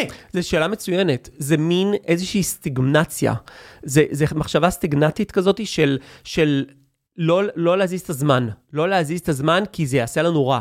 ואגב, מודרנה, דיברנו על מודרנה מקודם, זה אותו דבר. הפחד מהמודרנה... רגע, אז המאזין א', בפני א'. זמיר שאני נתקל בו לא מעט פעמים, עכשיו יגיד לי, תקשיב קשקשן, הנה מה אתה לא חושב עליו, אם אני עכשיו מאשר, אם הוא עכשיו ייבחר להיות אה, סגן ראש העירייה עוד פעם, אה, או יום אחד גם ראש העירייה, אני מאשר עכשיו תוספת של אה, בניין פה, אתה לא, אתה רואה בניין, אני רואה את הבתי ספר שצריך להוסיף, אני רואה את כל הדברים, ואין לי איפה לדחוף אותם, זה נהיה מורכב. אבל אני אומר הפוך, אם אתה מוריד מגורים ושם מלון, מה מורכב פה? כן, כאילו אין. הורדת הצורך, לא הוספת צורך. נכון, נכון, אני מסכים איתך, ואני קצת לא יודע להסביר את הדבר הזה. אני חושב שזה פחד מ... זה, זה אנשים מפחדים שיתבעו אותם, אנשים מפחדים... לק- טובים? ש- כן, בוודאי, בכל אוקיי. מקום טובים. אוקיי, אז הנה בכל מקום טובים. אז הנה שורש הבעיה. אתה לוקח... טובים? הרבה מאוד, תסביר. המון. תרחיב. אבל זה, זה בכל ה... זה, לא, זה אני לא יודע, אני לא זה יודע. לא רק בעולם האדריכלות, טובים. טובים לא, בכל דבר, אני- זה גם ברפואה, גם בכל דבר. תסביר כן, טובים על כל. דבר. על מה? מה תבעו- על מה תבעו אותך? אה, אותי עוד טרם תבעו, למרות שאני פעם עכשיו... תבעו אותך? עכשיו אני דווקא בתוך איזשהו... אה, לא, לא תבעו אותי אף פעם. איזה כיף לך. לשמחתי, נכון? הייתי בית משפט אה, לא מזמן, פעם ראשונה. אבל אני הייתי פעם, הייתי גם פעם ראשונה לפני שלושה שבועות. פעם כמה. חודשים. אוקיי, על- אז למה אתה אומר שזה נפוץ אם לא תבעו אותך אף פעם? כי אתה מה, אני רואה מכל? הכיוונים, אני רואה מכל הכיוונים. תן לי דוגמה על מה אפשר לתבוע אדריכל. אדריכל שחתם על תוכנית, ובעצם הלקוח אה, אה, לא מרוצה, מה, לא מרוצה מה, מהתכנון, ואומר שהוא לא אישר את הדבר הזה, למשל, לצורך העניין. הוא לא אישר את, ה, את התכנון הזה, הוא תכנן, תכנן משהו אחר. גובה, אה, חס וחלילה, מה- גובה מעקה. שזה הכי נורא, כן? כי זה, זה כבר עניין בטיחותי. מה, מה, מה, מה, אתה... אדריכל למשל, אמרת כזה חס וחלילה גודל מעקה, כאילו לא... אדריכל שתכנן מעקה לא תקני למשל, כן? והוא חתום על זה, הוא הוציא, תכנון מעקה. מה זאת אומרת מעקה לא תקני? מעקה, יש תקן של אה, מרווחים שמותרים בתוך מעקה, כדי שילד לא ייפול, אוקיי? ולא יוכל... גרם מדרגות כאילו לשים כן, מעקה? גרם מדרגות, או גלריה, או קומה, או מרפסת. אוקיי, זה נשמע הגיוני. אוקיי? נשמע כן. זה הגיוני, זה גם תביעות הגיוניות, בוא. כי זה גוף ונפש, זה דברים לא, שלא משחקים איתם. זה תקנון, אין פה מה... חד משמעית. אז מה- מה יש פה תביעה? יש- לא עשית... הנה, לא יש- הייתה כמו שצריך. יש כאלה שמתחכמים, אומרים, אה, בית פרטי, אני רוצה שזה יהיה נורא יפה, ואתה יודע, דברים כאלה מהסוג הזה. אוקיי, סלח לי פה, כן. בעולם שבו יש דוקיו סיין וכל הדברים האלה, עד כמה כבר יש פה מקום לטעויות שאתה אומר, אוקיי, גברתי, אדוני, תסתכלו, הנה החוזה שהסכמנו בינינו, תחתמו פה, פה ופה, תזכרו, חתמתם. זאת אומרת, איך זה לא פתר את כל העניינים, העובדה שהכל הפך להיות דיגיטיז... עבר, דיגיטיזציה, אין יותר יש- מסמכים שנאבדו. נכון, יותר, לא, אה, אני מסכים איתך, אבל יש את העניין שהלקוח יכול להגיד, אני לא יודע לקרוא תוכניות, אני לא יודע, אתה יודע, אין לזה סוף. אתה יודע, אנשים תמיד רוצים לחפש אשמים, ולא את עצמם. ויש באמת הרבה מאוד פלטות, דברים. או שזה פשוט פיינשמקריות? אה, אני לא יודע, אני לא יודע להגיד, יש איזשהו, אה, לדעתי, קלות, קלות, אה, קלות של אנשים שיש להם ריטיינרים מעורכי דין, אומרים, יאללה.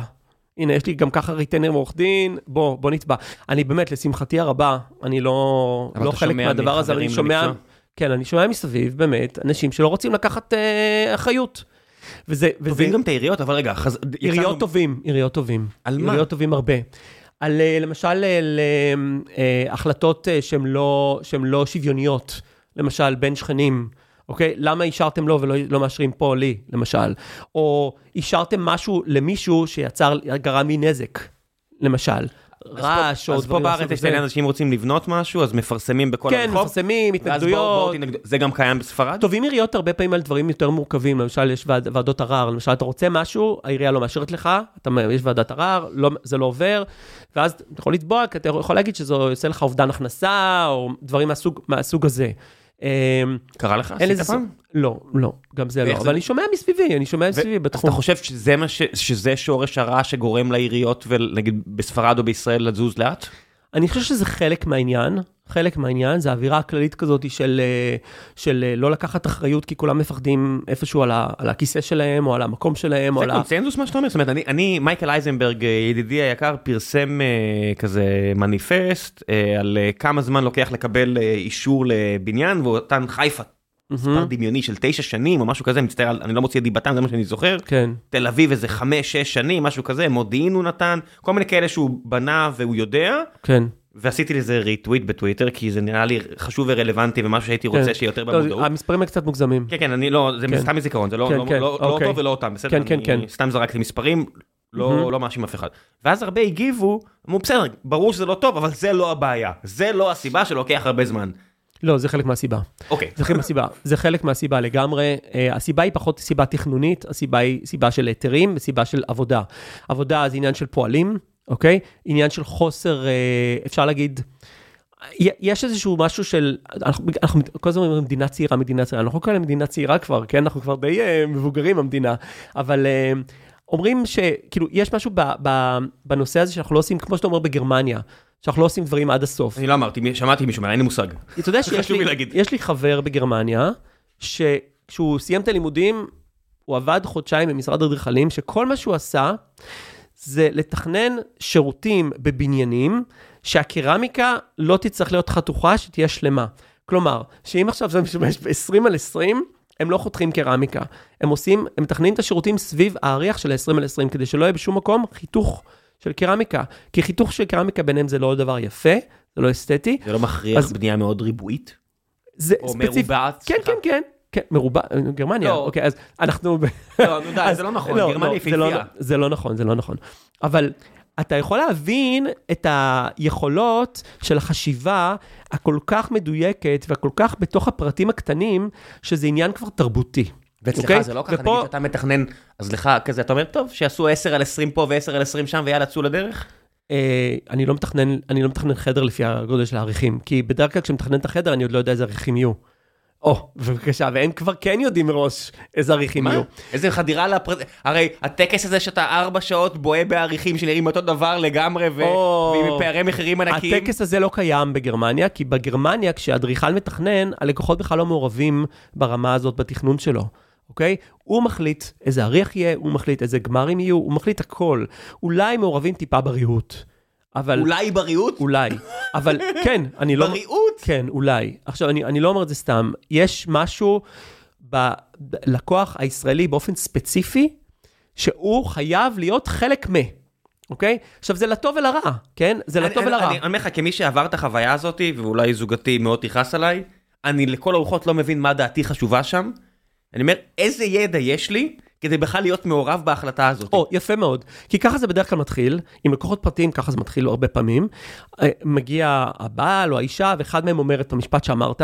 אבל כן? אני טועה? איזה ידע יש לי? רגע, רגע. מה הדעה שלי אבל נחשבת? אז, ואז, ואז אומר, בסדר, אבל אני בכל זאת רוצה לבוא לראות את, ה, את החומרים שנותנים, או לא, חומרים לא שיהיו. רוצה, וזה- ביקשו ממני אז הגעתי, אבל לא רוצה. אוקיי, אז אוקיי, ואז מגיעים, ואז פתאום כן יש לו דעה. אוקיי? אבל דעה נורא ברורה.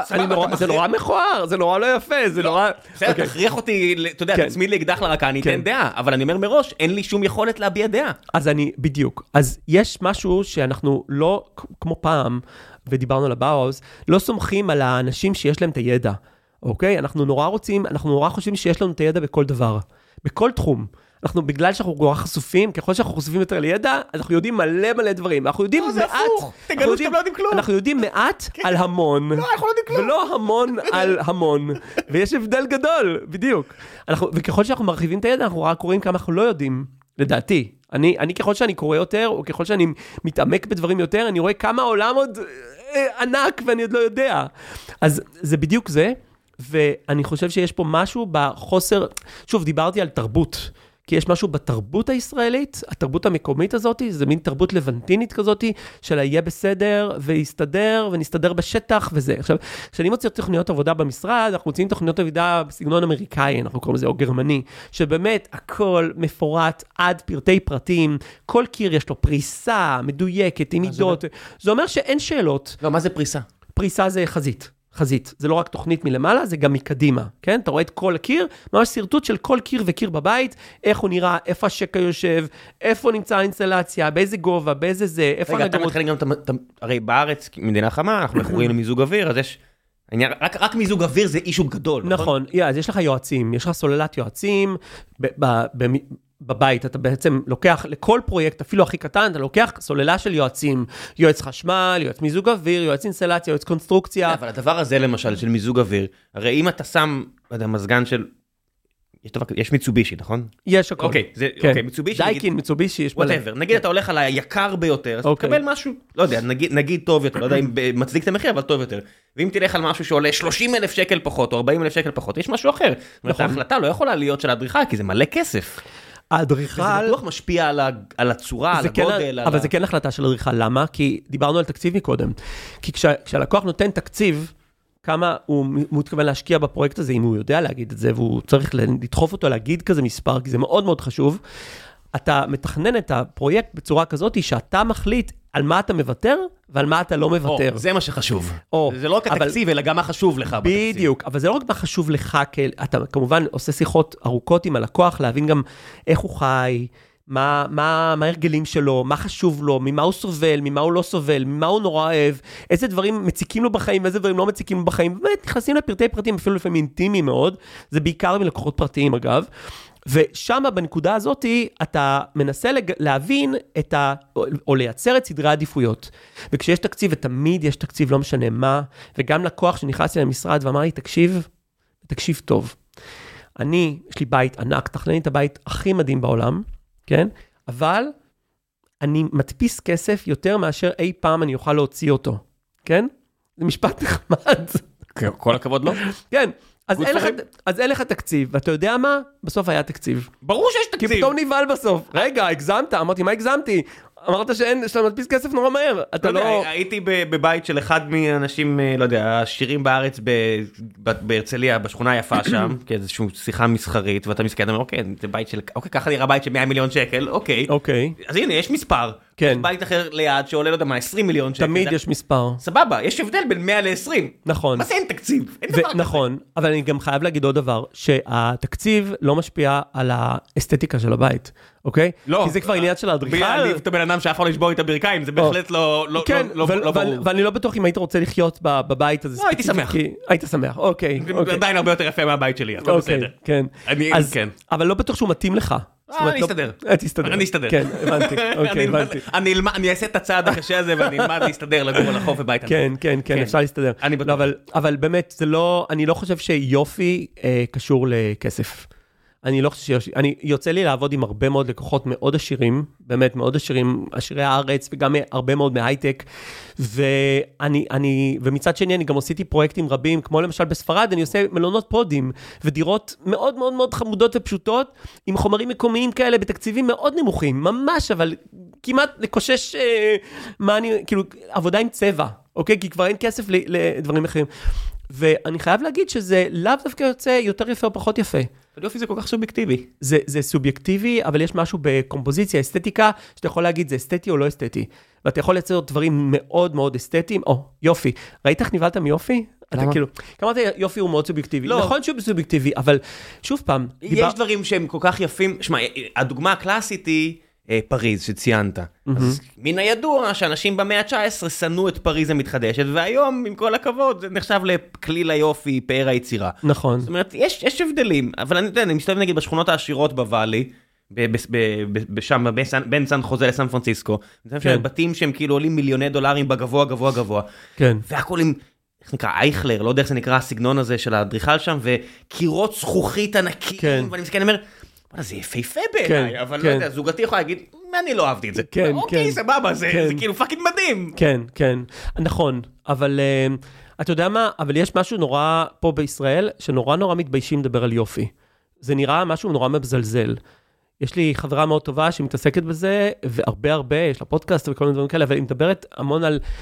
יופי מבחינת הישראלי הממוצע, או היהודי הממוצע, זה דבר שטחי, אוקיי? וגם אתה יכול לראות... אה, די, זה מת, לא? זה לא כל כך מת, אתה יכול לראות זה בבתי כנסת, ואתה יכול לראות, זה, זה, זה מת ולא מת, זה משתנה. אין ספק שזה משתנה, זה עבר מהפכה גדולה ב-20 שנה אפילו האחרונות. בעולם החרדי, שהם פיינשמקרים על הגרביים שלהם במאה שערים, שאתה יודע, לרמת ה... אני מסכים איתך הכובע- שזה, אני מסכים איתך שזה משתנה, אבל זה עדיין לא ערך, כמו שאתה רואה בגרמניה או בצרפת, או שזה ממש ערך מה עם תרבותי. ספרד? כאילו שעכשיו אתה מגיע... ערך, זה ערך, כן, זה פשוט ערך. אתה רואה איך מתייחסים אנשים לסביבה שלהם, אתה רואה איך אנשים, אה, איך, זה, אני, קשה מאוד להסביר את זה, זה ממש ערך תרבותי, ו, וזה כנראה משהו שצריך להיות מדינה מאוד מאוד מאוד ותיקה, עם המון היסטוריה, כדי אולי שזה יתפתח. או מדינה חדשה ועשירה, כמו דובאי או ערב הסעודית, אני יודע. כן, אבל אני לא חושב שיש שם ערך אה, כל כך, אה, כאילו, שוב פעם... יש להם, זה, זה לא יפה בעיניי בעיניך, כן. זה, זה, זה יהיה צעקני, או לא יודע מה, ארסי תקרא לזה, או לא יודע איך לקרוא כן, לזה. כן, אבל הם משקיעים, אבל הם. משקיעים בזה המון כסף, עובדה, נכון, לא, באסתטיקה. עובדתית גם הרבה המון, אנשים המון. נוהרים לשם ש- ומתלהבים מזה ומצלמים נכון, את זה באינסטגרם, אז נכון. כנראה שדעתי לא חשובה, אני כי מסכים איתך. מספיק אנשים אומרים שזה מגניב ויפה. נכון, נכון. אני לא אני לא אבל זה תופס את זה לערך של, ה- זה שייך לערך האסתטי של הוואו אפקט. של הוואו, וואו, וואו, אוקיי? זה, זה, זה, כמו, זה כמו לקוחות שאומרים, תעשה לי וואו. אני אומר, וואו, אוקיי, וואו. אז נגמר הוואו. עכשיו זה, וואו, עכשיו זה בוא, עכשיו בוא נתכנן. זה קשה. לעשות וואו? כן? כן, כי כי סף הגירוי שלנו הולך וכאילו ופוחת, אנחנו נהיים נקי חושים קצת. כאילו, אנחנו... גם באדריכלות? כן, אני חושב שכן, אני חושב שגם אנשים, כן, אתה יודע מה? אני רואה את הבניין פה לידינו, השרון הזה נקרא, עם הסיבוב. כן, אני עדיין מסתכל, אני אומר, God damn. כן. איזה- איזה- איזה מגניב. נכון, זה מגניב, אבל מצד שני, יש כאלה כל כך, בכל עיר בעולם יש כזה. כן? כן. זה- זה זה ממש... זה קשה? מה, לעשות את זה? כן. כן, לתכנן, זה תכנון הרבה יותר מורכב, בוודאי, אבל, אבל זה, זה בניין, הבניינים הספירליים המסתובבים האלה, זה ממש ממש משהו אופנתי. זה ממש וואלה. משהו שנכון ל-2015 פלוס. גם בניינים אוקיי? מיוחדים, נגיד בניין הספרייה בירושלים, שכולם אה, ראיירו על ה... אה, כן, אה, כן. כתבות והכל, זה גם כאילו, גם היפה שלנו הוא בנאלי? לא, אני לא חושב שהוא בנאלי, אני חושב שספרייה, אני עוד לא ראיתי את זה, אני ראיתי רק, אה, גם אני לא, עוד לא נסעתי. לראות את זה, ראיתי, כן. כן, אבל, אבל לא, זה באמת משהו מאוד מאוד יפה, ואני חושב שהוא, תראה, הדרך לשפוט את זה אולי זה לאורך זמן, לראות אם זה מחזיק זמן.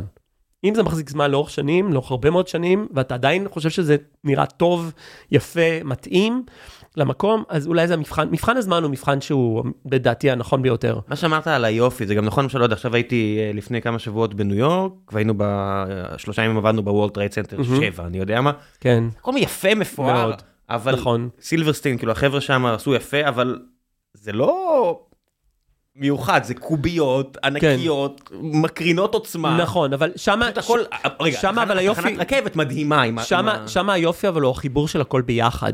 אוקיי. זאת אומרת, זה מין, אה, זה, זה יופי של אה, קולקציה, זה collection, אוקיי? אתה, אתה רואה את זה בראי של בניין, כל בניין בפני עצמו הוא לא משהו מיוחד, אבל כשאתה רואה את הכל ביחד, עוצמה. כן, זה, כן, זה, זה מייצר משהו מאוד מאוד מאוד אז ייחודי רגע, לפני ומאוד שנעבור מעניין. לשאלות מן הקהל, בוא נסגור את זה סוגריים שפתחנו, למה לוקח פה הרבה זמן לבנות אחרי שיש היתרים? אה, שיטות בנייה, בעיקר. אה, בעיה, בעיה ב, ב, בכמות עובד, עובדי בניין. אה, תמשיך, תמשיך, מצטער. בעיה, ב, בעיה בכמות של עובדי בניין, אה, פועלי בניין, אה, הכשרות... זה היה מת- נכון גם לפני המלחמה? כן, כן. עכשיו זה החמיר, ואני מקווה מאוד דווקא שהמלחמה, תראה, שינויים יוצ- נוצרים מתוך טראומות. ואני מקווה מאוד שהטראומה הזאת, הנקודתית, שעכשיו אין פועלים וזה, אולי סוף סוף תזיז, תזניק את עולם הבנייה למשהו קצת יותר פרוגרסיבי, אוקיי? אני מאוד מקווה שזה יעשה איזשהו שינוי. מה מה זה אומר שיטות בנייה? מצטער, אני בבורות מוחלטת. שיטות בנייה זה אומר, צריך לעבור לדברים הרבה יותר מהירים, לבנייה יותר מהירה, לבנייה, נגיד סתם, אתה נגיד היום, נגיד יש לך משפחה עם שלושה ילדים, כן? הילדים עוזבים את הבית, אתה נשאר עם שלושה מחסנים בבית, אוקיי? מה אתה עושה? למה הבית שלך לא יכול להשתנות, אבל מהר, לא עכשיו שיפוץ עכשיו של חצי שנה, שיתאים לצרכים שלך, אוקיי? אתה עכשיו יכול להשתמש בזה כחדר עבודה, חדר לאורח, או... כן. כאילו, למה, למה הבית לא יודע להשתנות כל הזמן? כמו, ש... כמו בעולם? שהחיים שלנו משתנים. רגע, זה קיים בעולם? מפתחים את זה, פעם זה היה קיים בבתים היפנים, נכון? בבתים היפנים הישנים, פשוט היו הורסים היו, ובונים, לא? לא, היה להם אה, קירות נייר, והם היו פשוט מזיזים, היו מארחים, המחיצה הייתה זזה, מגדילים, ת- מקטינים, מגדילים, אתה יודע, נהדר. אני בדיוק זה- עוברת פה מישהי שמחכה שיסיימו לבנות הבית שלה. או, בבקשה, כן. ולוקח מלא זמן. שיהיה לה בהצלחה. לא, כן. היא מבינה- היא מבינה את עומק הברוך. כן. כן, ודבר נוסף זה בתי ספר מקצועיים בארץ, שאין בתי ספר מקצועיים רציניים, יש מעט מאוד, יש? שמלמדים, אה, יש מעט מאוד, מעט מאוד. בתי ספר מקצועיים, היום כל אחד פה צריך לעשות תואר, אבל כמו בעולם, אתה אומר גרמניה, גרמניה, רוב האנשים לא הולכים... ספציפית אולי בגרמניה כן הולכים רובם לאוניברסיטה כי זה חינם ולהפך המדינה אפילו משלמת לך להיות סטודנט אבל במקומות אחרים באירופה כן האנשים רוב האנשים הולכים לבתי ספר מקצועיים לאו כבר לעשות תואר, הולכים ללמוד חשמל, הולכים להיות שרברב, הולכים ללמוד מיזוג אוויר, אבל כשבא אליך בעל מקצוע הביתה לתקן תקלה, אתה רואה את הבן אדם, אתה רואה את הכלים שלו, אתה רואה את הרצינות שלו, אתה רואה, אפילו יש לו מין כרית כזאת לברכיים שהוא שם, אתה רואה את, איך הוא מתייחס למקצוע. פה כולם, כל השרברבים בדרך לאקזיט, כן? יש להם, כן, אני, כן, אני רק עושה את זה עכשיו, זה חלטורה, כי אני, יש לי איזה אקזיט עכשיו שאני מפתח משהו עם... גם מלצרים זה ככה, הרבה, הרבה מקצועות שבשאר העולם הם מקצוע שיש כבוד למקצוע, אבל בארץ אין לנו כבוד לכלום, אז זה לא מפתיע שאין לנו כבוד גם למקצוע. נכון מאוד, אז זה חלק מזה, וזה חלק משפיע כמובן על עולם הבנייה גם. כי אתה צריך בעלי מקצוע איכותיים, לוקח להם ואין לך... יותר זמן לכל פעולה? את- ת- זה לא רק זה, אתה מחכה נגיד ל- ל- לקבלן אינסטלציה שיבוא לעבוד, אז הוא מבריז, כי הפועלים שהוא הבטיח למישהו אחר להגיע למקום אחר, וההוא פתאום, אה, לא יודע, יש לו איזה פגישה עסקית על איזה בכלל משהו אחר, ואז הוא לא מגיע, אז זה דוחה את כל, העול, את כל, את כל הבית, זה דוחה, זה דוחה הייתי- בשבוע הייתי- ועוד אה, שבוע, ו- כי זה אחד אחרי השני צריכים להגיע. איפה השוק המשוכלל שיפתור? זאת אומרת, למה אין מישהו שמביא עבודה יותר טובה, ואז הוא מוצף בעבודה, כי הוא עושה עבודה יותר טובה? הוא בדרך כלל פשוט מאוד יקר, אוקיי. ואז הוא, הוא, ב- הוא, הוא עולה לראש הפירמידה, כי זה מאוד דליל שמה, ואז ראש הפירמידה נלחמים עליו. אוקיי? זאת לא, אומרת, אבל, אבל אז זה אומר, בגלל שאתה יודע, בסוף אנשים הם רציונליים, רוצים כסף, אז איפה... אני אגיד לך, אני רואה את זה למשל עם מדרג, שנוחם היה פה המייסד. המנכ"ל, אז אתה רואה, מרגע שיש ציון, אני חווה את זה לפחות עם בעלי מקצוע, הם עושים, אה, לא יודע, אני מרגיש שינוי נורא גדול, אני בן 40, אני כבר מספיק שנים עובד עם בעלי מקצוע, ב- בעולם הקטן שלי, כן, לא כמוך, ואני רואה שיש שדרוג, ברגע שיש ציונים ויש... אה, כן, יש, יש, יש שינויים גדולים בתחום, והתחום הבנייה מאוד התפתח, כי חשמל חכם וכל המערכות האלה, אז יש התפתחויות. אבל כן? לא בשיטות בנייה. ו- אבל, אבל בדיוק, אבל לא בכל השיטות בנייה, אתה יודע, אתה יכול לראות, אה, אתה, אתה רואה, למשל, אתמול ראיתי משהו הזיה, אתה רואה קיר בלוקים, ואתה רואה, בנו את הקיר, ואז הוא בא והוא חוצב את הקיר, הוא שובר אותו בשביל להכניס את הצנרת אינסטלציה פנימה. שבנו אותו. כן, אחרי כן, חוויתי את זה. ואז בא. טייח, בא טייח, מתחיל לטייח את הכל וזה, ואז פתאום בא מישהו עם חשמל חכם כזה, עם צגים דיגיטליים, ידחוף את... שמע, זה הזיה, הזיה. כן, אני... לי נשבר הלב שעברנו משרד פעם אחת, והכריח אותנו לצבוע, לתקן והכל, ואז אני מגיע, ואמרתי, טוב, חוזה זה חוזה, צריך לקיים, אנחנו כן. שומרי חוק וטוב. מגיע לך יומיים, רואה כל הקומה שבורה, כי בונים משהו אחר. וואו. ואני אומר, למה? למה? מכל מבחינה של כסף, קיימות, להיות אנושי, הרי הוצאנו פה עכשיו עשרות אלפי שקלים, או לא יודע. אלפי כן, שקלים, על נורא. על השיפוץ, אנשים עבדו. נכון. אנשים עבדו קשה, זה עבודה, זה לא כמו שלי, לא יודע, אני מרגיש לפעמים לא עושה כלום בחיים שלי. אני אומר, אנשים אשכרה עשו, עבדו קשה, הם עשו תוצר, הם היו גאים בעבודת כפיים שלהם, ואז למח- יומיים אחרי זה מישהו בא שובר הכל, כי לא היה אכפת, לא אכפת, אין כבוד. כן, זה נכון, זה קלות בלתי נסבלת כזאת. זה של. מחיקה והתחלה מחדש. כן. למה ככה? זאת אומרת, מה זה, הוא כולה, הוא כולה עבד, אז מה? כן. זה- ראיתי, נשבר לי הלב באותו רגע, באמת, אמרתי, למה לא אמרתם? לא היה אכפת לו, לבן אדם. אמר, יש חוזה, תקיים את החוזה, ואז אני אחליט מה כן, אני רוצה. כן, כן, עבודה, כסף. טוב, אה, בוא נעשה קצת שאלות מן הקהל, אה, וזה בטח יפתח עוד מיני נושאים. אה, ויטלי לובי מזב שואל, דוגמה לדברים יפים מעניינים שעבדו עליהם בארץ בשנים האחרונות, ואולי אפשר לקפוץ לראות אם נמצאים בסמיכות. הופה, נחמד. אז הזכרת את ספרייה, כן. הזכרת, כן, אבל תראה, מבני ציבור זה מבני ציבור. מבני ציבור משקיעים אנרגיות שונות מ- מאנרגיות שמשקיעים בדרך כלל בבנייה רוויה. אוקיי? זה משהו שהוא מן הסתם חד פעמי, נמצא במקום ספציפי ומיועד לקהל רחב, ומיועד גם לייצר איזשהו סוג של הילה סביבו, אוקיי? כמו למשל הספרייה הלאומית, כן? ש... שאלה, מה צריך ספרייה, אתה יודע, הכל דיגיטלי היום, אז מה, מה, מה, מה העניין לבנות כזה בהיכל בימינו בשביל דבר כזה? אתה שואל שאלה, אבל מבחינת בניינים, איזה בניינים מאוד אה, ראויים, אני חושב שיש די הרבה כבר, מתחילים להיות די הרבה בניינים, להצטבר הרבה, בניינים שאני מאוד מעריך. אה, וגם אני- בענייני משרדים יכולים להיות כאלה שאתה מסתכל עליהם ואתה מעריך אותם? כן, כן, כן, לגמרי. אני חושב ששרונה למשל זה דוגמה נהדרת. כן, זה אה, טוב. אני חושב שזה בניין מצוין, בניין מעולה, יש להם גם ליד? פלטינום. אגב? יש להם גם ליד פלטינום, שזה אומר שהבניין הזה עשה משה צור. את אה, זה, שצור זה אדריכל? כן, כן. סלח לי, אה, כן. מוחלטת, אוקיי? אמ, זה, זה בניין שהוא ליד פלטינום, זה בניין שהוא אה, אנרגטית אקולוגי. אה, הוא בעצם לא, יש לו מעט מאוד שחרור של CO, הוא בעצם מייצר אנרגיה גם בעצמו, כל המערכות בו הן מערכות מאוד חסכוניות, מאוד ידידותיות זה מייצר לסביבה. יש לו קולטנים סולאריים? אה, גם קולטנים סולאריים, אני חושב שאמור להיות לו גם איזשהם כל מיני שבשבות למעלה לגג, אה, כל מיני מערכות גם אה, של אה, חימום קירור שמייצרים על ידי לחץ אה, בין קומות. וואו. אה, כן, יושבת שם, יושבים שם גוגל, יושבים שם הרבה כן, לא, משרדים, אני- אני שם. מספיק כן, מגיע כן. לפגישות ומתרשם מה- מהיופי, גם כן, גם הכניסה יפה, אני יודע וגם מה. צורת הבנייה אה, אמורה להיות צורה אקולוגית, זאת אומרת, אה, פחות מזהמת, זאת אומרת, לכל אורך הדרך. ו- ו- וזה משהו שהוא כן, כן יפה. מתפתח, מתפתח ויש לו משמעות, ואני חושב שהעירייה והמדינה צריכה להס- צריכות להשכיל ולייצר יותר אינסנטיבס שיקרו דברים כאלה, זאת אומרת, לתת הרבה יותר הקלות, במ- כאילו לתת ממש הקלות מיסוי על בניינים כאלה, כדי שאנשים ילכו ויבנו את זה וישקיעו את הכסף מיסוי. אפילו תבטיח לי שאני אתן לך היתר בשנה במקום ארבע שנים, רק- או, כבר טוב. רק בעולם של ריבית כל כך זה גבוהה. שווה את הכל. זה נכון. הרבה יותר מהקלות מיסוי, נכון. הקלות מיסוי זה עוד צריך לצערי לקחת זה- מהקופה הציבורית. חד משמעית. מייצר כסף יש מאין אם אתה רק. מתייעל. נכון, אבל זה עוד לא שם, לדע- לצערי. שוב, אמרתי, אם מאזין א' זמיר רוצה, לא סתם, או המתחרים שלו רוצים, ראיתי גם את אורנה לא מזמן, אז מי שרוצה מוזמן, הנה אתם מקבלים פה הצעות בחינם. אה, יצחק אה, צברה שואל, למה אין בישראל מספיק בנייה חדשה בהיקף קטן? אתה הולך ברחוב בשכונות חדשות וכל הבתים נראים כאילו נבנו על ידי אותה חברה ומאותו הדגם. אולי גם הוא מדבר על החיפויים האלה. יכול להיות שהוא מדבר על חיפויים. תראה, אני, אני חייב להגיד שאני בישראל לא מצליח להבין את הבנייה הצמודת קרקע, אוקיי? זה משהו שקשה לי מאוד להבין. אין מקום במדינה, אין קרקעות, זה לא הולך ומשתפר. נכון, ואתה יודע, מפתחים שכונות, כאילו, בתים פרטיים, בלה בלה בלה. כאילו, יש משהו בדבר הזה שהוא בעיניי קצת אה, בעייתי. יש מקומות שאתה יודע, אתה לא, אתה לא מנסה לבנות במקומות האלה, לפי פרסומים זרים, עם טיסה, לא יודע מה, לא נגיד נצרת, או כל מיני מקומות כאלה, ותציע לבנות בניין גבוה, אולי מישהו ישים לך מטען מתחת לבית. יכול להיות. במ- במקום בלי משטרה, שאין משילות, יש הרבה עיוותים שקורים. נכון, סתם ככה לפי פרסומים זרים. כן. מאדריכלים שאולי קיימים ואולי לא קיימים. לא, באמת. אבל הנושא של שהכל נראה אותו דבר, אוקיי? כי זה, תכל'ס זאת השאלה. למה הכל נראה אותו דבר? למה כל הבנייה הרוויה נראית אותו דבר? אז א', היא לא לגמרי אותו דבר, היא כן, היא כן שונה אחת מהשנייה, וכן יש שינויים, וכן, דווקא, אני חייב להגיד שדווקא...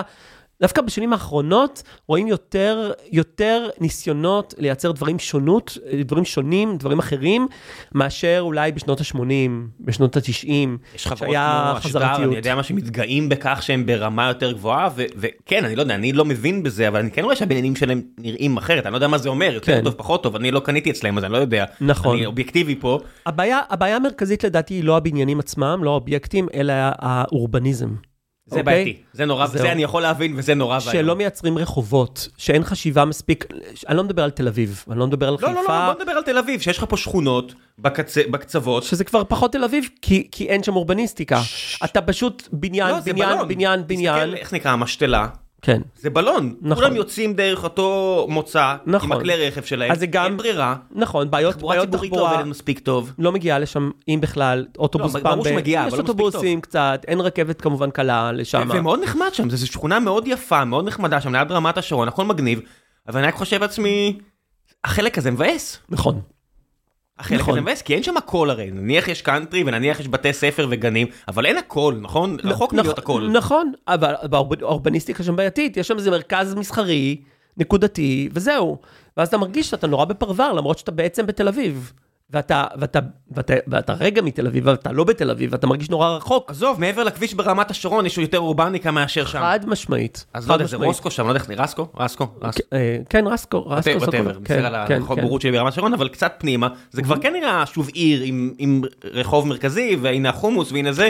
כן, כן, כן, ואני לא מדבר רק על חנויות, לייצר איזושהי רקמה עירונית שמייצרת אפילו רחוב נעים ללכת בו, מקום שאפשר לשבת בו. אה, הצללה אה, חס וחלילה. הצללה, כן, יודע, הצללה. בואו תרחמו על הקרחים, כן, חבר'ה, אני צריך לבדוק. מלנומה כל שנה. הצללה זה... לא, באמת, כן, זה...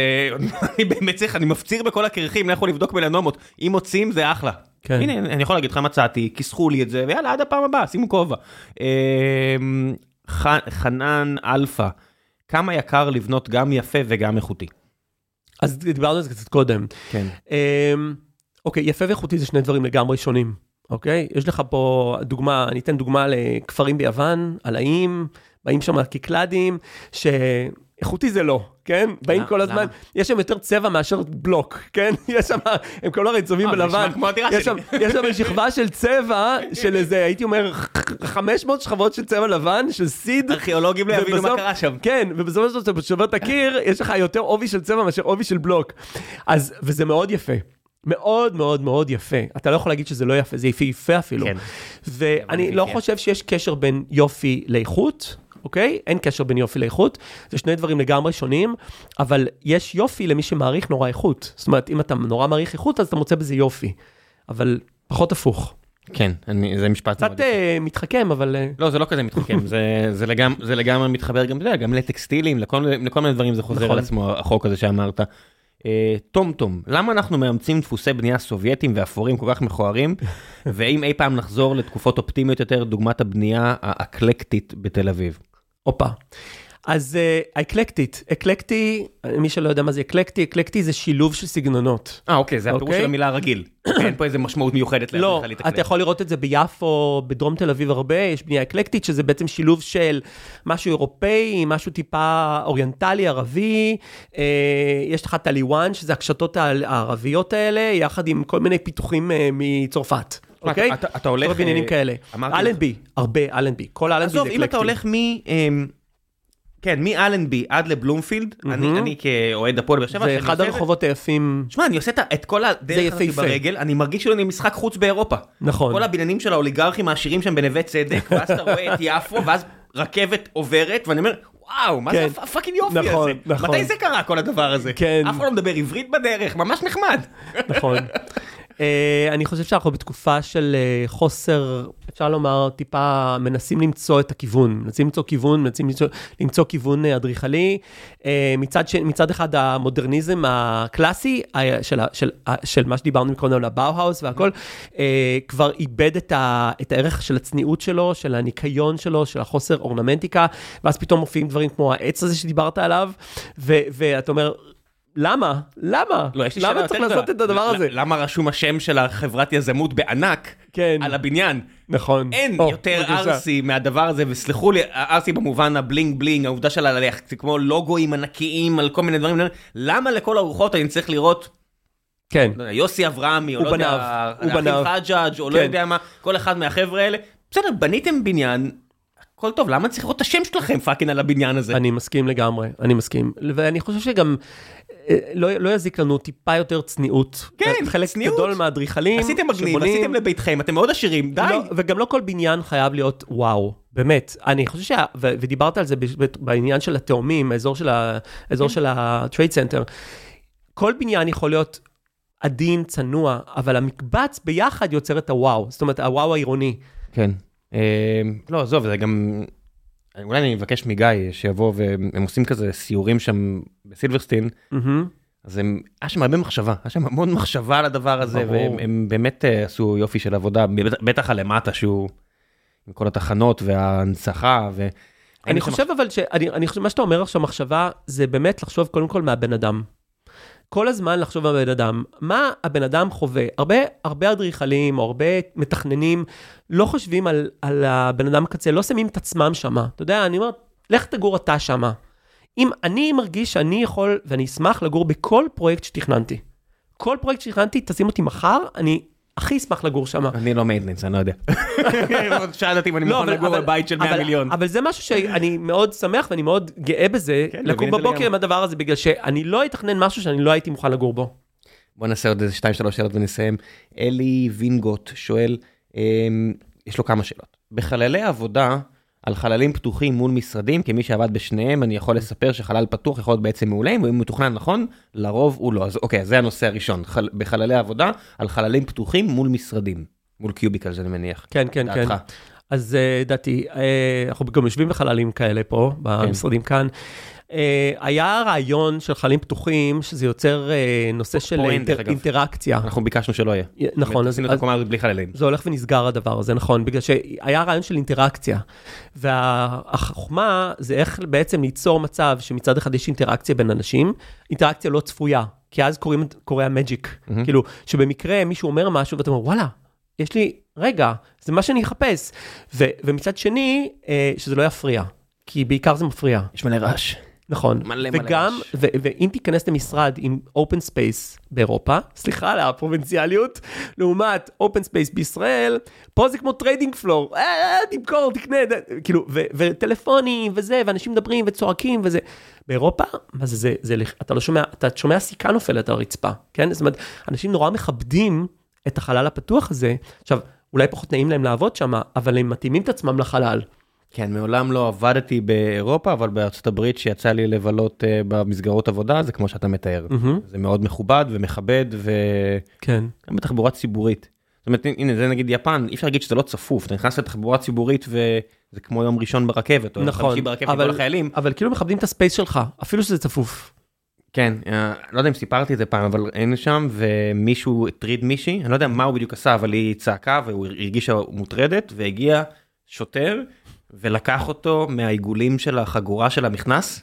שם את האצבע בעיגול של החגורה ולקח אותו וזה בן אדם מבוגר שהלך כמו ילד נזוף ולוקחים שוטר לוקח אותו מהעיגול ואני מסתכל בצד ואומר what the fuck קורה במדינה כן, המשוגעת בדיוק, הזאת?" לא יודע. מה האיש הזה עשה ולמה לוקחים אותו כאילו הבנתי בדיעבד והיא כאילו אתה יודע יכול להיות שהוא רק נגע בה לו כן, כך מצד שני זה. גם קיצוני. זה, כן. לא, זו תרבות גם- מאוד כן, שונה. נכון. בסדר, זו תרבות מאוד שונה, אני לא מסתכל על זה כטוב או רע, זה מעניין, זה פשוט חייזרים מבחינתי. כן, זה לא, אני לא שופט. לא חייזרי. זה נכון, יפן זה חייזרי. אני חייזר עבורם, הם חייזרים עבורי. נכון. אני מכיר בזה, כן? זה פשוט שונה לגמרי. אמ, על צרכים ודרישות שונות לבנייה למגורים של אוכלוסיות שונות בישראל ובעולם. דתיים, ערבים, מול שאר הציבור. זאת אומרת, אם יש ייחוד ב...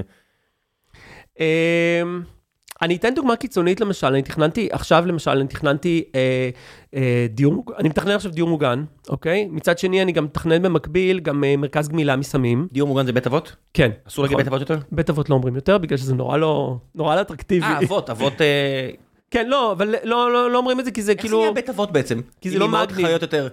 אה, שאלה טובה. אם אתה הולך למשל עכשיו לבתי אבות אה, מבוגרים יותר, מן הסתם הרוב יהיו נשים, כי נשים חיות יותר. כן, זה לא מן הסתם, זה, זה, זה קיצוני. זה קיצוני אבל. פער של שלוש שנים בממוצע בארץ. כן, אבל זה הרבה יותר קיצוני שאתה בדיורים המוגנים שאתה הולך, זה הרבה יותר קיצוני. אני לא יודע להסביר את זה, הנה, אבל אתה רואה, שלוש שנים זה מלא. אתה רואה גבר אחד עם עשר נשים סביבו. חוגג. חוגג ממש. לא, אוקיי, אז חוגג. דיור מוגן? אבל, כן, אז אני אומר, יש משהו של ה... ברור שאתה יכול, אתה חייב להתייחס לזה. חייבים להתייחס לזה. עכשיו, בבנייה רוויה, ההתייחסות היא יותר קהילתית. אוקיי? כי אתה צריך להתייחס לקהילה. אתה לא מתייחס עכשיו כל בן אדם וכל משפחה. אבל כשאתה בונה בית למישהו, אז בוודאי שההשלכות התרבותיות שלו והחיים שלו מאוד מאוד משפיעים על תכנון. זה לאו דווקא על האורנמנטיקה של הבית, על הקישוטיות שלו, בכלל לא. על איך הבית בנוי, כן? אה, סתם, אפילו ברמה של... אה, של כשאתה מתכנן לכל משפחה ישראלית, אז רוב, רוב הבתים, המרכז של הבית זה המטבח, אוקיי? זה המרכז. זה לא ככה תמיד? לא, בכלל לא. אני, ממש לא. אני תכננתי, יצא לי לתכנן בית בלי מטבח. איפה? בהרצליה. זוג שאמר לי, אנחנו לא רוצים מטבח, אנחנו רק מזמינים, ואנחנו, אין לנו צורך במטבח. וואו, זה אובסין, מה שאתה- אני- אני כולי מעקצץ אין פה. לנו צורך במטבח, פשוט אין לנו צורך בזה, אנחנו לא יודעים לבשל, אנחנו לא רוצים לבשל, אנחנו לא רוצים כלום. אז יש להם ארון עם כלים, שהם יכולים להוציא, אם הם רוצים להגיש דברים, כאילו להעביר מהכלים של הזה וזה, וזהו. תחשוב, זה- ויש להם מדיח. המחשבה פה היא גם אנחנו. בחיים לא נצטרך למכור את הבית, כי עם כל הכבוד זה די ייחודי העניין הזה שלא צריך מטבח. זה די deal breaker, אם מישהו עכשיו רוצה להיכנס למים, אוקיי, איפה המטבח? אה, אין מטבח. אוקיי, ביי. כן, ביי. לי חשוב אבל מטבח. שתדע שזה, אני מאוד הערכתי את הדבר הזה, שאנשים שכל כך מכירים את עצמם, ומספיק אמיצים, לבוא ולהגיד, אני רוצה אחר. אני, אוקיי, זה אתה יודע, חוסך מאות אלפי שקלים גם על כן, הדרך. לגמרי. אתה שואל את עצמך, למשל, אתה בדירה בלונדון, אתה שואל, למה fucking המכונת כביסה במטבח? למה מכונת כביסה בתוך המטבח? למה זה פה? בכל הדירות באנגליה זה ככה, כן? ולמה? למה זה לא בחדר אה, החצר? אצ- אצלי המכונת כביסה במטבח, אז אני לא יודע, זה מיוחד? הצ- צר- כאילו, אני לא יודע מה מה זה, אתה אומר. זה קצת מוזר, כי מה, מה הקשר, יכול להבין, כן. מה הקשר בין ריח של כביסה לבין טיגון של אה, שניצל? פשוט לא היה כאילו- מקום אחר. או, בבקשה, אז אפשר למצוא מקום אחר, אבל זה כאילו, אני, אתה יודע, אני שואל באנגליה, למה זה ככה? אה, כי זה ככה. אתה יודע, אז... אז לא אז, חשבתי, אני מודה אז- שלא חשבתי זה עד אז היום. בואו, עצה לכל משהו המתכננים. פשוט כן. תשאלו הרבה שאלות. כי אסור לקחת דברים מובן מאליו, אוקיי? יש, יש דברים מוזרים שמוטמעים, אבל הם לאו דווקא נכונים, הם אולי לא מתאימים, אולי פעם זה התאים והיום זה לא מתאים יותר. כן, אני, הנה, ערערת אותי. אה, סתם, אנחנו נעבור בקרוב, אז שם זה כבר לא יהיה. ח- חמותי שחיה בארצות הברית מעולם לא חשבה לעשות ספונג'ה. למעשה, אם היא תנסה, כל המים יזרמו דרך רצפת העץ למרתף. בישראל קשה לדמיין בית בו מישהו יסכים לריצוף שאי אפשר לשטוף במים, רצוי הרבה מאוד מים. מה אני אמור להגיד לזה? אני לא יודע, מה, זה הדבר הזה? זה דברים שאתה מרגיש, מכיר? אמ, וואו, זה, שוב, אנחנו מדברים על דברים מאוד תרבותיים. יודע, אני אני זה- שומע לא, את זה, לא. אני לא מבין בכלל לא, מה לא, רשום לא. פה, אתה מבין? לא, לא, לא. זה, כן, כי זה, יש מנטליות בארץ כבר, אה, אתה יודע, שהיו שופכים דליים, והם לוקחים, אתה זוכר את המגבים של המרפסת, ויש שם את הפישר, וגורפים את כל הבית מהמרפסת, והפישר זה ישר לרחוב או לגינה של הבית אני בתל לא אביב. סומך על הבית שלי כדי לעשות דבר כזה. כן, אני אז פעם היו עושים. פעם היו עושים קרה ככה, היום כבר אה, לשפוך מים עם דלי, לא, זה משהו שכבר פחות. מקובל, לא. כן. אין דבר כזה, רננה רז מסכנה התייבשה לנו מול העיניים. כן. אני לא יודע מה המצב לא, של המשק. זה נחמד לסיים את הרעיון עם אקונומיקה ודלי. כן, המלצות כי שלך. בסוף זה שמה. כל מה שבא לך. אה, אין- לי רגולציה. המלצות שלי? ספרים, סרטים שקראת, אה, פעילויות, מה שבא לך. אה, וואו, תקשיב, הייתי לאחרונה, הייתי בהופעה של אלטון ג'ון. אה, אימא'לה. זה אחת. האחרונות בחייו. כן, זה, הוא כבר, אתה יודע, הוא כבר עשר שנים באחרונות. זה היה הופעה פרטית. בסדר, מה לעשות? שכבני אדם, אה, אתה יודע, אתה יכול אה, להגיד מה שאתה רוצה, בסוף אה, כן, אתה לא יכול להתפרע על הפסנתר עד... לגמרי, לא, לחלוטין. יש משהו בלראות את ה-OG's מופיעים בערוב ימיהם. לפעמים זה עצוב, לפעמים זה... זה, תקשיב, זה הפתיע, הוא מפתיע, הוא מדהים. לא היה לך עצוב? בכלל לא עצוב. הבן אדם כישרוני ברמות שאי אפשר לתאר איזה כוח יש לקול שלו, וזה מדהים. ראית את הסרט? ראיתי את הסרט, גם? קראתי את האוטוביוגרפיה שלו, ממליץ לקרוא את האוטוביוגרפיה שלו, נהדרת. מאוד קלילה, כותב על עצמו את כל החיים שלו, תקשיב, אני ממש אהבתי את הסרט, מבחינתי אנשים. אמרו, זה לא אמיתי, והכל אמרתי, מה אכפת לי? זה ס- זה סרט של מישהו מצוין. שניצח, נכון. וחוגג את הניצחון שלו, כן. ו fuck off. הספר יותר מעניין, כי בספר יש הרבה יותר דברים אישיים. זה אה. כן, זה ג'וס. הרבה יותר- ג'וסי. הרבה יותר ג'וסי, הוא מדבר על לנון, הוא מדבר על כל החברים שלו, הוא מדבר על פרדי מרקורי, על כולם. כן, הוא היה חריאת רוב החיים. כל החיים שלו, הוא מדבר על ההסנפות המרובות שלו, על, כל ההתמכרויות שלו, אבל בצורה הרבה יותר עומק- לעומק. כן. וזה זה מאוד מעניין, הספר מאוד מעניין. כן, יש כל אה, מיני מוזיקאים כאלה שמופיעים בלי הפסקה בערוב ימיהם, בטח האלה של לא הסולו שאין. להם מה לריב עם כלהקה, נגיד כן. בילי ג'ול. בילי כן. ג'ול בניו יורק זה. fucking כאילו... מטורף. הוא גם עכשיו הוציא איזה שיר. עכשיו, חדש. והוא נראה לא צעיר. באיזה 20-30 שנה מהגיל האמיתי שלו. כן. ואין, אתה פשוט יושב... טוב, זה קשור לכסף גם, כן. אני- גם וגם. לא, הרבה גם עשירים. גם בראש, כן. והוא עובד קשה כנראה. ברור, ברור. תחשוב איזה דבר זה להרים הופעה כזאתי, day in, day out, בלי למצמץ, ומול... אתה יודע מה, זה נראה לי משעמם נורא, אבל כל הזמן אותם שירים, זה כמו one trick pony, אתה כל עבודה? ערב צריך, כן. זה עבודה. אבל הם ממש מתמכרים לקטע הזה של הקהל, אתה רואה את- את את, אה, א', אלטון זה הרבה ג'ון, כסף. כן, אני לא יודע, אני- אני הרבה מניח... ש- כסף, אבל אתה רואה אותו יושב על הפסנתר, ואתה רואה, זה לא רק קשור לכסף, הוא לא יושב, אה, העיניים שלו מנצנצות, ואני בטוח שאיך שהוא יורד מהקהל, הוא הופך לבן אדם אחר. נגיד יש לי בעיה עם המילה הזאת שאמרת, תשעמם, ואני אומר, אז מה, זה העבודה שלו, זה המקצוע שלו, מבין, הכבוד הזה של עבודה, מקצוע, אני אומר, אני- אני קצת כנראה סובייטי בראש שלי, זה החבר'ה שלי בדיוק אתמול צחקו עליי בלילה. רבותה, זה. רבותה. עזוב, בן אדם, זה- זה זה מה שאתה עושה. קום בבוקר מי שאתה. תעשה את זה. לא, מה שאתה בוחר, זאת אומרת, אם יש לך את הפריבילגיה של איפה שהתשוקה שלך, נכון. זהו. אין משעמם, לא משעמם, זה כאילו, אתה יודע, אני סופר מעריך נגיד את אה, ברי סחרוף שאומר שהוא מנגן ניצוצות בפעם האלף, אז אני בטוח שבילי ג'ון מנגן את פיאנו מן בפעם האלף, או לא כן. יודע מה, ולא, בסדר, בני אותו גיל, אני מניח שהם חרשו על אותם שירים אותו מספר של פעמים, והכל טוב. וכמו שברי עושה את זה מול, אה, לא יודע, איזה חברת הייטק שמטיסה אותו ליוון, כי זה העבודה שלו, והוא עושה את זה עם כל הלב, כל התשוקה. כן, והוא יאלתר פה ושם, ויעשה איזה. טוויסטים, נכון. לא, ה- ה- ה- לא לא, משעמם. אני... אני... אני כל כך מעריך את האנשים שלא נותנים להם תשעמם לי להכתיב את חייהם. נכון, נכון, נכון, נכון. אבל גם אני חושב שמשהו בעבודה עצמה, אם איזה, נגיד לצורך העניין זמר כזה, שעומד על הבמה, יש משהו באנדרופינים האלה שהוא מקבל תוך כדי האדרנלין הזה שהוא מקבל, שאתה יודע, הופך את כל, כל חוויה למאוד ייחודית בפני עצמה. כן, זה גם למרות עוזר- שזה כאילו אותה חוויה, אבל זו חוויה שונה. גם מאוד עוזר לאנשים, אה, רוב האנשים שאני מכיר נמצאים באיזשהו אתגר פסיכולוגי כרגע, אנחנו שבעים מדי, נוח לנו מדי, וכולנו נמצאים באיזשהו אתגר פסיכולוגי של מה אני, מי אני, מה יהיה איתי. כן, חיפוש עצמי. כן, ו- וזה שאתה שומע שלבילי ג'ול או לברי או לא יודע מה, תשעמם לפעמים, נותן לך כאילו הרגשה, אוקיי, דווקא נחמד. כן, אז את מתכננת את המשעמם וגם מה רע במשעמם? לא, זה נחמד לפעמים גם. משעמם. אז תמצא דרך כאילו to cope. אם נכון. עכשיו עכשיו זה מכריח אותך לחשוב, אז תחשוב. אתה לא יכול גם להלל טיפול פסיכולוגי וגם לא להבין שזה חד משמעית, חד משמעית. שזה חלק מהקיום האנושי של לעשות. זאת אומרת, אני בטוח שגם ציידים לקטים, היה להם משעמם קצת. כן, הכל בסדר. נכון, נכון. לא כל יום רדפה אחרי חצ'יטה, לפעמים אתה סתם בילית שמונה שעות בלחפש אה, אחר אה, אוכמניות, או הכל איזה. ברווז. כן, הכל כן. בסדר, זה הקיום האנושי, נכון. תתמודדו. נכון, just deal with it, כן. זה מה יש. אז just deal with it. כן, תודה רבה רבה רבה. רבה. עד הפעם הבאה, ביי ביי.